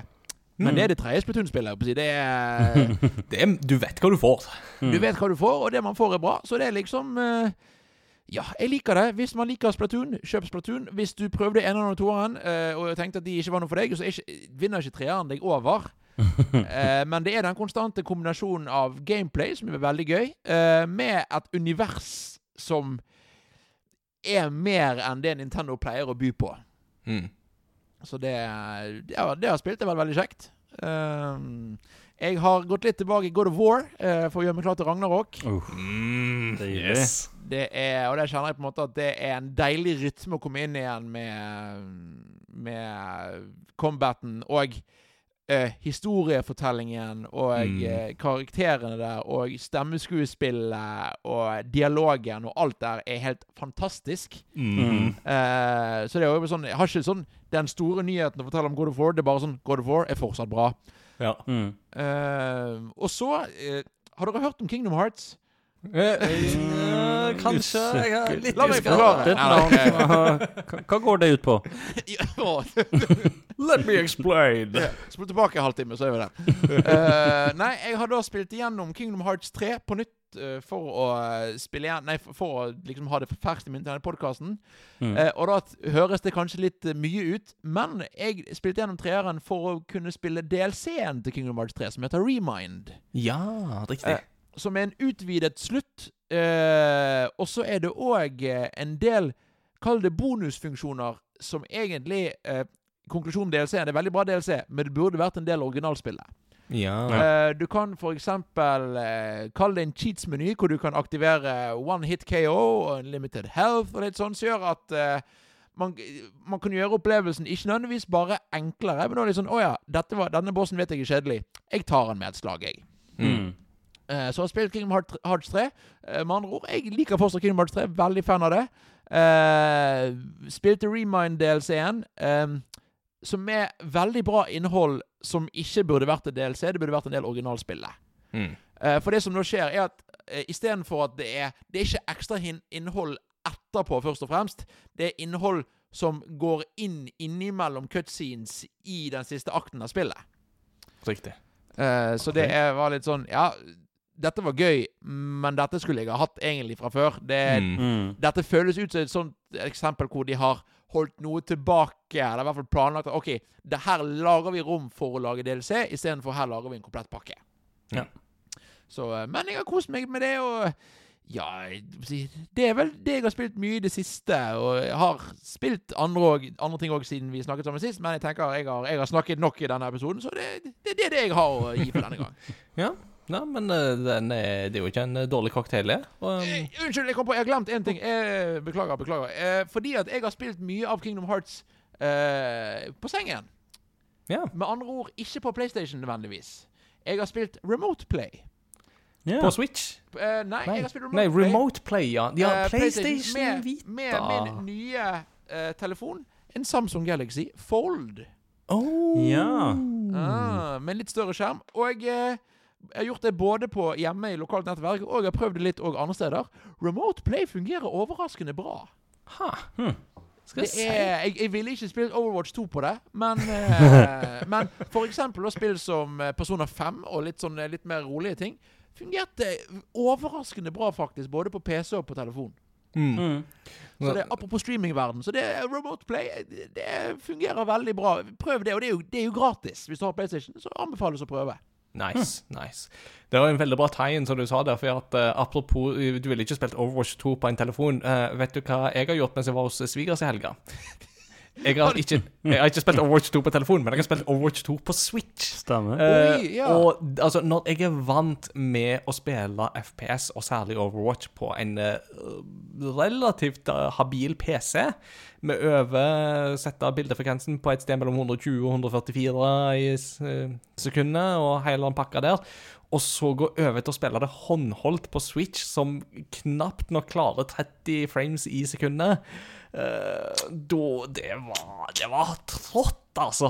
Var, så strategien min da var jo egentlig bare Jeg spilte som Soldier 76. Jeg eh, venta til jeg fikk Ultimates, for da fikk jeg auto-aim.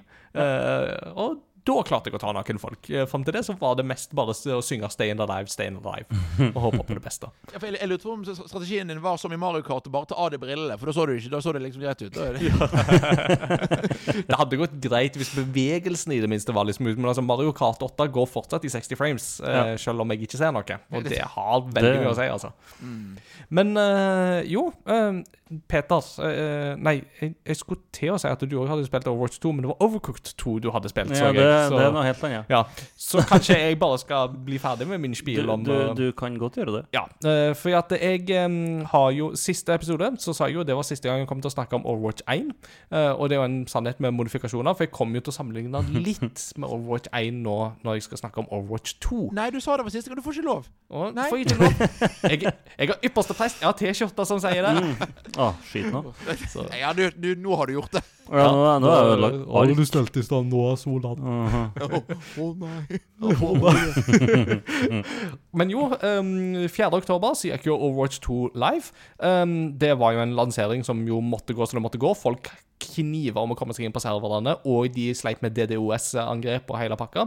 Så jeg Jeg, spilte tenker det, det at det gikk live, er en sannhet med mod modifikasjoner. Det, Ja, ja. Så jeg eh, spilte ikke Overwatch 2 den første kvelden. Jeg venta til onsdag med å liksom prøve første gang. og sånt Men jeg har eh, fått eh, begynt nå. Jeg har spilt det på PC, og jeg har spilt det på Switch. Og eh, jeg må si at dette virker for meg som et godt steg i riktig retning for Overwatch sin framtid. Eh, det er ma Altså man kan lett få inntrykk av at ja, men er det ikke bare Overwatch 1 i litt ny drakt? På sett og vis så er det riktig, men det er veldig mange små sånne quality of life improvements her og der. Mange små tweaks som gjør at spilleopplevelsen blir helt annerledes. Eh, For det første, hele dette her med at du har gått ifra å ha seks spillere per lag til fem spillere per lag, det fungerer overraskende bra. Eh, Ja. Jeg føler at tempoet er mye høyere og mer intenst i kampene. Eh, det, alle, de aller fleste heltene har jo blitt tweaka litt på med tanke på hvor mye helse de tåler. og litt sånn. Noen har jo blitt veldig forandra. jeg er jo for veldig glad i å spille både Bastion og Orissa, og begge de to har jo gått gjennom ganske store endringer i hvordan man spiller som de. Eh, men det meste går veldig fort å bli vant til, og jeg føler at jeg har mye mer kontroll når jeg spiller nå, enn det jeg hadde i Overwatch 1. Det kan jo ha med at det er veldig mange nye som spiller nå, at jeg bare kj- kjenner at jeg flikker til å treffe folk, eller at de spiller på Switch og jeg spiller på PC, og at det- er totalt urettferdig. Jeg vet ikke. Eh, Men eh, det er likevel noe med alle disse småtingene. Og så grafisk sett òg, så har det fått en liten løft. Det ser altså penere ut nå, selv om det så ganske pent ut i eh, det originale spillet òg. Og så er, er det jo en ny modus, eh, som eh, er jo særlig verdt å få fram her. Og så er det jo en god del nytt innhold. Du har jo tre nye rollefigurer. Eh, som jeg bare testa en av de, Kidiko. Uh, en gøy healer, for så vidt, men sliter ennå litt med å få tak på henne, så jeg må spille litt mer som henne. Jeg har ikke testa Sojourn, og jeg har ikke testa Junker Queen, men begge virker veldig gøye. Det er mange nye baner, der er det veldig mye gøy. Altså, New York-banen er veldig gøy. Da skal du eskortere en brannbil uh, fra A til B. Og når den brannbilen da mm, kjører litt bakover igjen, fordi at de ikke klarer å pushe payloaden, så hører du bare pip, pip, pip. Det er sånn, får du sånn ringelyd. Det er sant. Jeg liker de små tingene der. Men den gøyeste nye modusen her, det er push. Uh, push, da har du en robot som står på midten av banen. Og så har han en um, blå uh, ting, og så har han en rød ting. Som kan dyttes i hver sin retning. Så målet er jo da at det blå laget skal få dytta den blå tingen til sitt uh, utgangspunkt. Og det røde laget skal få dytta sin ting til sitt utgangspunkt. Den roboten han sier veldig ofte 'I like pushing'. Eh, han, er, han er liksom skapt for å dytte. Han er så koselig. Ja. Eh, og dette, dette med at det, du kan ha liksom da at det blå laget tar ledelsen, og så får de dytta sin ting ganske langt i sin retning, og så plutselig så mister de eh, kontrollen over den roboten, og så begynner den å springe tilbake til den røde tingen, og så går han tilbake, og så dytter han på den. Så det er en modus der det er veldig mye dynamikk fram og tilbake. Du springer altså Hele tida så er det litt sånn Nei, nå må vi der, nei, nå må vi der. Altså at det er hele tida en utvikling. Det er ikke den der statiske progresjonen som du har med payloads tidligere, som går i en bestemt rute. Her er det veldig fram og tilbake, som gjør det veldig artig, rett og slett, å uh, eksperimentere med den modusen. Så push, det er en uh, veldig ny, gøyal modus som er kommet for å bli, og jeg håper at uh, de kan gi mer av dette. Bare tenk, altså, de har jo gått fra seks til Mm. fem spillere per lag. Og ene begrunnelsen deres var jo at eh, det skulle få mer variasjon. Eh, spesielt på e-sportsida i hvordan oppsettet på lagene skulle se ut. Og jeg har ikke sett ekstremt mye e-sport eh, de siste par månedene, men jeg har gløtta innom Overwatch eh, i tide og utide. Og begge lag er alltid identiske. Eh, så de har ikke akkurat lyktes der med å liksom øke variasjonen eh, på hvilke helter som blir brukt, eller hva som er meta. da. Eh, men altså, hvis at jeg har fått opp peisen og sånt, så er det jo Det er jo kjekt. Det er jo kjekkere, da. Mm. Så det har jo lyktes eh, sånn sett. Det, det vil jeg si at det har. Og så har jo en del av diskusjonsmomenter rundt Overwatch 2 har jo vært eh, Battle Pass-systemet. Um, Overwatch sine lootboxer var aldri veldig inngripende, syns jeg. De syns jeg var helt kurante. Alt var kosmetisk, og det aller meste som var i de lootboxene, kunne du tjene in game valuta for å låse opp, og den in game valutaen tjente du sånn noenlunde greit tempo. Så det var liksom aldri veldig ille. Jeg, ble, jeg brukte Jeg kjøpte kun ett skin i Overwatch, og det var det ene skinnet som du måtte kjøpe hvis du skulle ha det. Og det var et Mercy-skin der inntektene gikk til brystkreftsaken. Mm. det var bare sånn det, det, De pengene, de betaler jeg. Det gjør jeg med glede, for det så bra ut òg. Um, I Overwatch 2 så er jo uh, lootboxene skrota til fordel for et Battle Pass-system. Um, der eh, noen av belønningene kan du låse opp ved å bare gå nok opp i nivå. Eh, mens andre ting vil være låst bak at man kjøper Battle Pass. Eh, Battle Pass kan kjøpes for in game eh, Overwatch coins hvis du tjener opp de. Og den beste måten å tjene opp de på, det er å gjennomføre weekly challenges. Og det som er veldig gøy her, er at alle disse challenges som er kommet i Overwatch 2, med daily challenges, weekly challenges, seasonal challenges, lifetime challenges, de er veldig med på å bidra til entusiasmen for å spille mer. Eh, Du får litt den der Å, hvis jeg spiller én kamp til nå, så klarer jeg kanskje å få Klarer jeg kanskje å få nok damage eller gjøre nok heals at jeg får den eh, challengen. Så det, det funker veldig bra, altså. Og det store spørsmålet blir jo hvorvidt kommer vi til å kjenne på trangen til å måtte bruke penger på disse challenges, særlig med tanke på at helter er låst bak level 55. Eh, det får vi jo se litt an. Eh, det er liksom litt for tidlig å si ennå. Men jeg tror at hvis man bare er flink på liksom å mm, spille litt målretta inn mot challenges og sånt, så skal det gå, altså. Eh, så mm, mine første inntrykk av Overwatch 2 er at dette her det er et friskt pust i riktig retning. Og så er jo den tingen som jeg gleder meg mest til, nemlig den mer historiefokuserte PVE-delen, den kommer jo ikke før sannsynligvis til neste år. Så får vi se da hvordan den blir, men jeg håper jo virkelig at det blir gode greier. Og Blizzard slapp jo nå i forrige uke en animert kortfilm om Kiriko, og de er tilbake på det der nivået der med liksom Det er bare Pixar som overgår de i den der narrative kvaliteten og visuelle kvaliteten. Så åh, det er chills, altså. Så mer av det, og jeg bare håper så inderlig at eh, Microsoft eh, sitt eventuelle oppkjøp av Activision Blizzard kan få selskapet på rett kjøl, at de får de interne endringene som trengs med tanke på arbeidskultur, og så kan da heltene som lager Overwatch 2 og liksom stå på for å lage godt innhold og liksom levere noe her, at de virkelig får liksom anledningen til å skinne, for det, det tror jeg faktisk dette spillet fortjener, sånn som jeg føler det. Helt kort uh, utenom det. Um, jeg har pusla litt videre med Megaman Legacy Collection 2. Jobber med Megaman 8 mens jeg sitter på T-banen. Eh, Retrospillauget. Vi har spilt ferdig Star Wars Jedi Knight 2, Jedi Outcast. Eller som vi bare kaller det, Star Wars Heia. Fordi Outcast. Uh, jeg har begynt 30 minutter på Xenoblade Chronicles 3.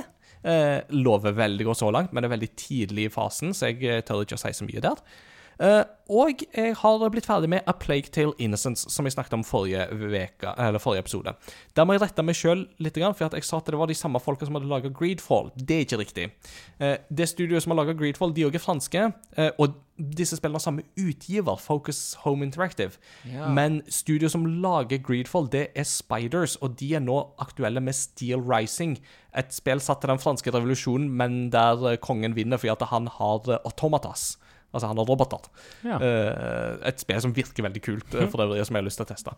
Eh, disse som har laga Plague Tale, det er derimot Asobo, som har laga Microsoft Flight Simulator. Ja. Og så har de laga en del sånne eh, Disney-lisensspill tidligere, så de var ikke sånn veldig kjente før liksom, de siste årene nå. Eh, A Plague Tale Innocence anbefales varmt. Jeg har skrevet en anmeldelse på crossovergaming.no, og ja, det er generelt veldig, veldig bra.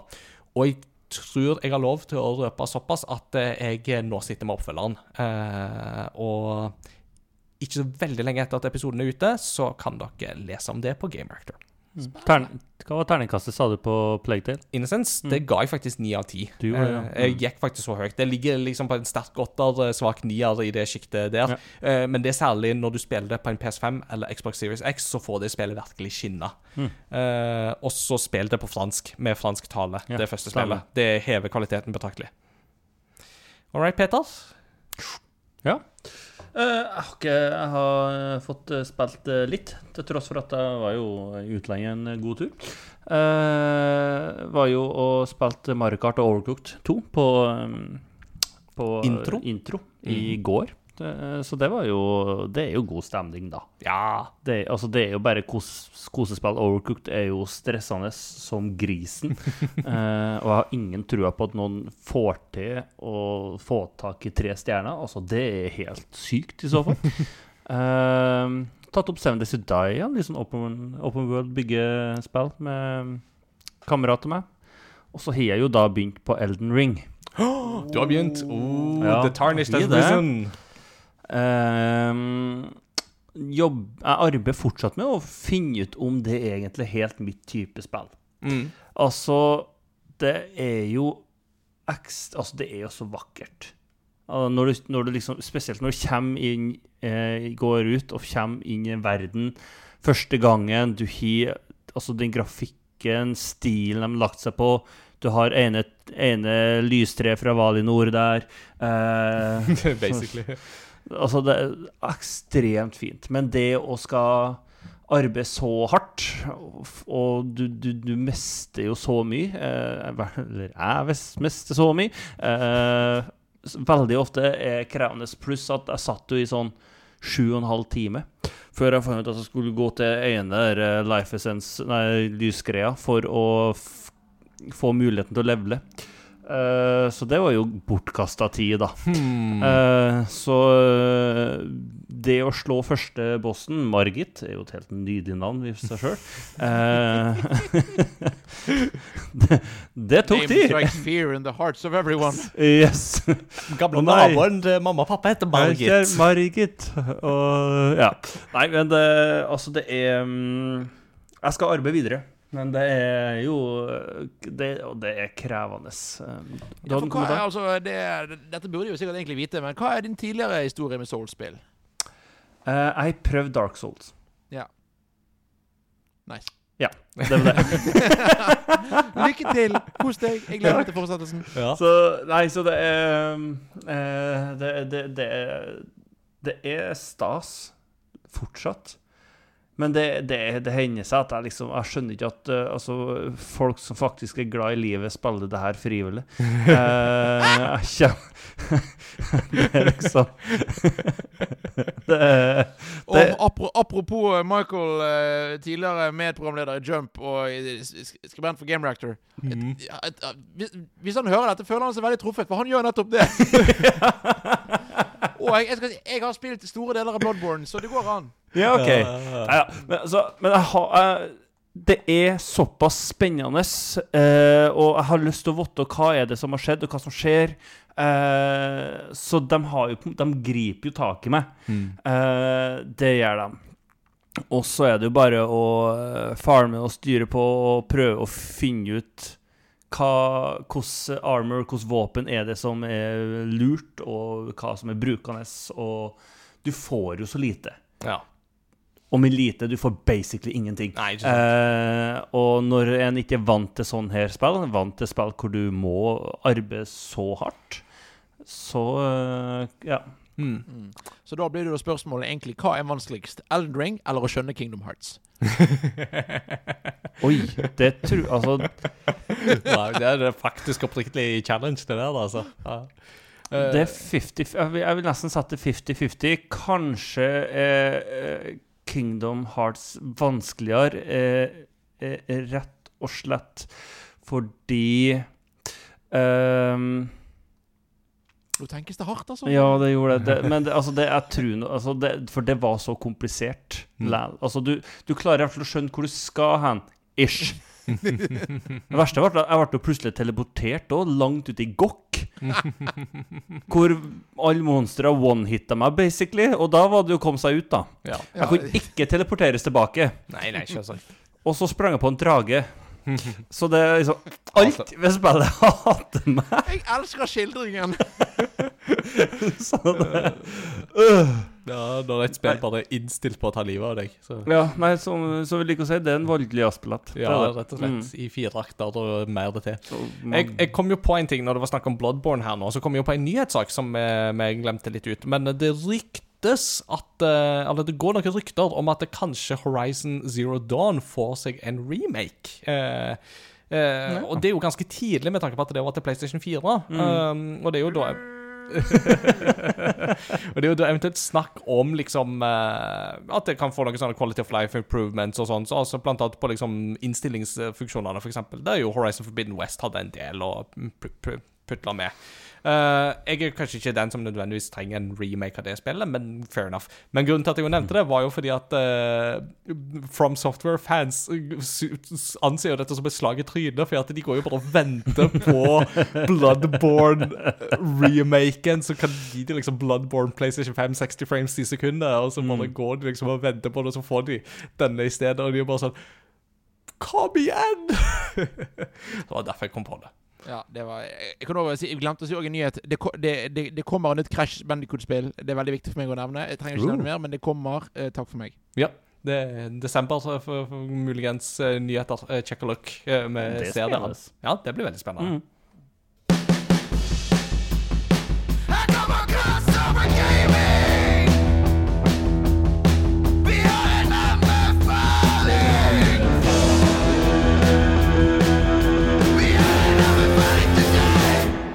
Da eh, syns jeg jo det er gøy å liksom, når vi får en ny programleder, å liksom utfordre på Ja, hva av disse tre spaltene på slutten eh, har du eventuelt lyst til å bryne deg på? Eh, og du har egentlig hinta til at du hadde lyst til å bryne deg på alle tre, så da begynner du med anbefaling.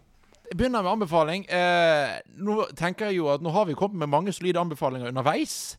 Eh, så min anbefaling er ikke noe nytt sånn sett. Det er egentlig bare at hvis du syns at Kingdom Hearts-serien høres interessant ut, prøv Kingdom Hearts 3. Det er på en måte God anbefaling i en ja, jo, Kingdom men, det, er på en måte, Hearts-serie. det er noe med det med at det, det er en serie som eh, har et rykte på seg til å være grådig vanskelig, og det er mange som ikke prøver fordi at de er redd for å, nei, skal- Men vet du hva? Prøv. Eh, for når du kommer deg over den første humpen, så er det så mye glede og godt gameplay. Som vi ikke har snakket om i det hele tatt. Det er veldig bra gameplay, altså, jeg lover. Eh, og mange sjarmerende øyeblikk. Og, eh, og ikke minst nå, det finnes på PC, det finnes på Xbox, det finnes på Switch. Ikke spill Switch-versjonen, det er bare Cloud-versjonen. Og det finnes selvfølgelig på PlayStation. Så min anbefaling er ganske enkel. Det er rett og slett Kingdom Hearts 3. Ja. Nice. For dette er en hebreke pachinko-kontroller til Super Nintendo. It's curiosity What are you gonna show to me? It's curiosity What a neat thing to know It's curiosity What are you gonna show to me? I haven't even heard of it What a neat thing to know It's a great part show Og nå er, Med kuriositet så blir jeg litt spent på Er denne også Kingdom Hearts-relatert, mon tro?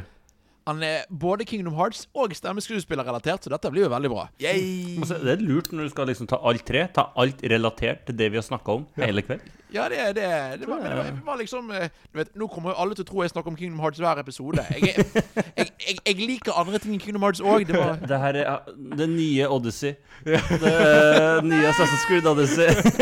Kingdom Hearts! Nei, men eh, Kingdom Hearts-serien er jo da annet laget med, i samarbeid med Disney, som betyr at de har noen muligheter for å få noen ganske kjente skuespillere i dette spillet. Mange av originalskuespillerne fra animasjonsfilmene har kommet tilbake for å spille karakterene sine. Eh, blant annet eksempel originalskuespilleren til Alice i Alice i Eventyrland returnerte over 50 år etter originalfilmen. Oi, det er imponerende. Det er rått. Eh, og flere, og gjerne selvfølgelig det er jo da eh, stemmene til Mickey Mouse og Langmenn og disse her. Eh, og, og til disse eh, til flere seriens originale karakterer har òg ganske store skuespillernavn knyttet til seg. Eh, vi nevnte skurken, Master Xehanort. Han eh, var spilt av eh, en som dessverre ikke er med oss lenger, Leonard Nimoy. Ja det er han. Oi! Mm. Eh, denne karakteren en spilles faktisk nå av eh, Å, eh, Back to the Future. eh, Christopher Lloyd? Christopher Lloyd har nå tatt over rollen. Great Scott! Eh, men da I, i eh, Birth by Sleep så spilles da eh, Xehanort av Leonard Nimoy. Og da har Xehanort på en måte eh, en For det, det er da før Xe- Xehanort viser seg å være ond, og da har han en medmester, som han da eller, som heter mester Ericus, som blir spilt av Mark Hamill.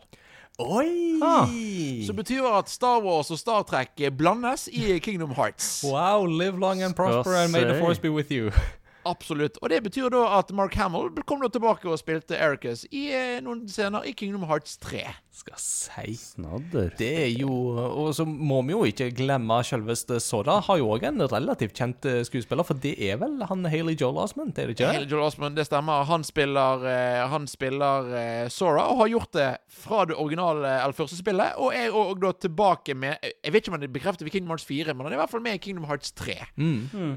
og det er mange kjente navn. For eksempel altså stormøten av store, store deler av castet fra Frost var tilbake. Altså Josh Gad og Idina Menzel.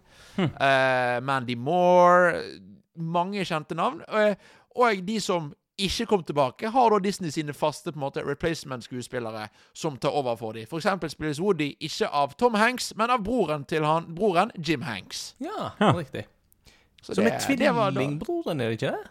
Han er i hvert fall broren. Jeg er ikke sikker på han er tvilling, men han, jeg vet i hvert fall at de er såpass ulike at Jim Hanks ser ikke ut som Tom Hanks. Så de er i hvert fall ikke enegget. Nei, riktig. For jeg mener Tom Hanks er tvilling. Det, det, det, kan, det kan nok stemme. Ja. Så det Ikke arrester meg hvis jeg tar feil. skal vurderes. Ja.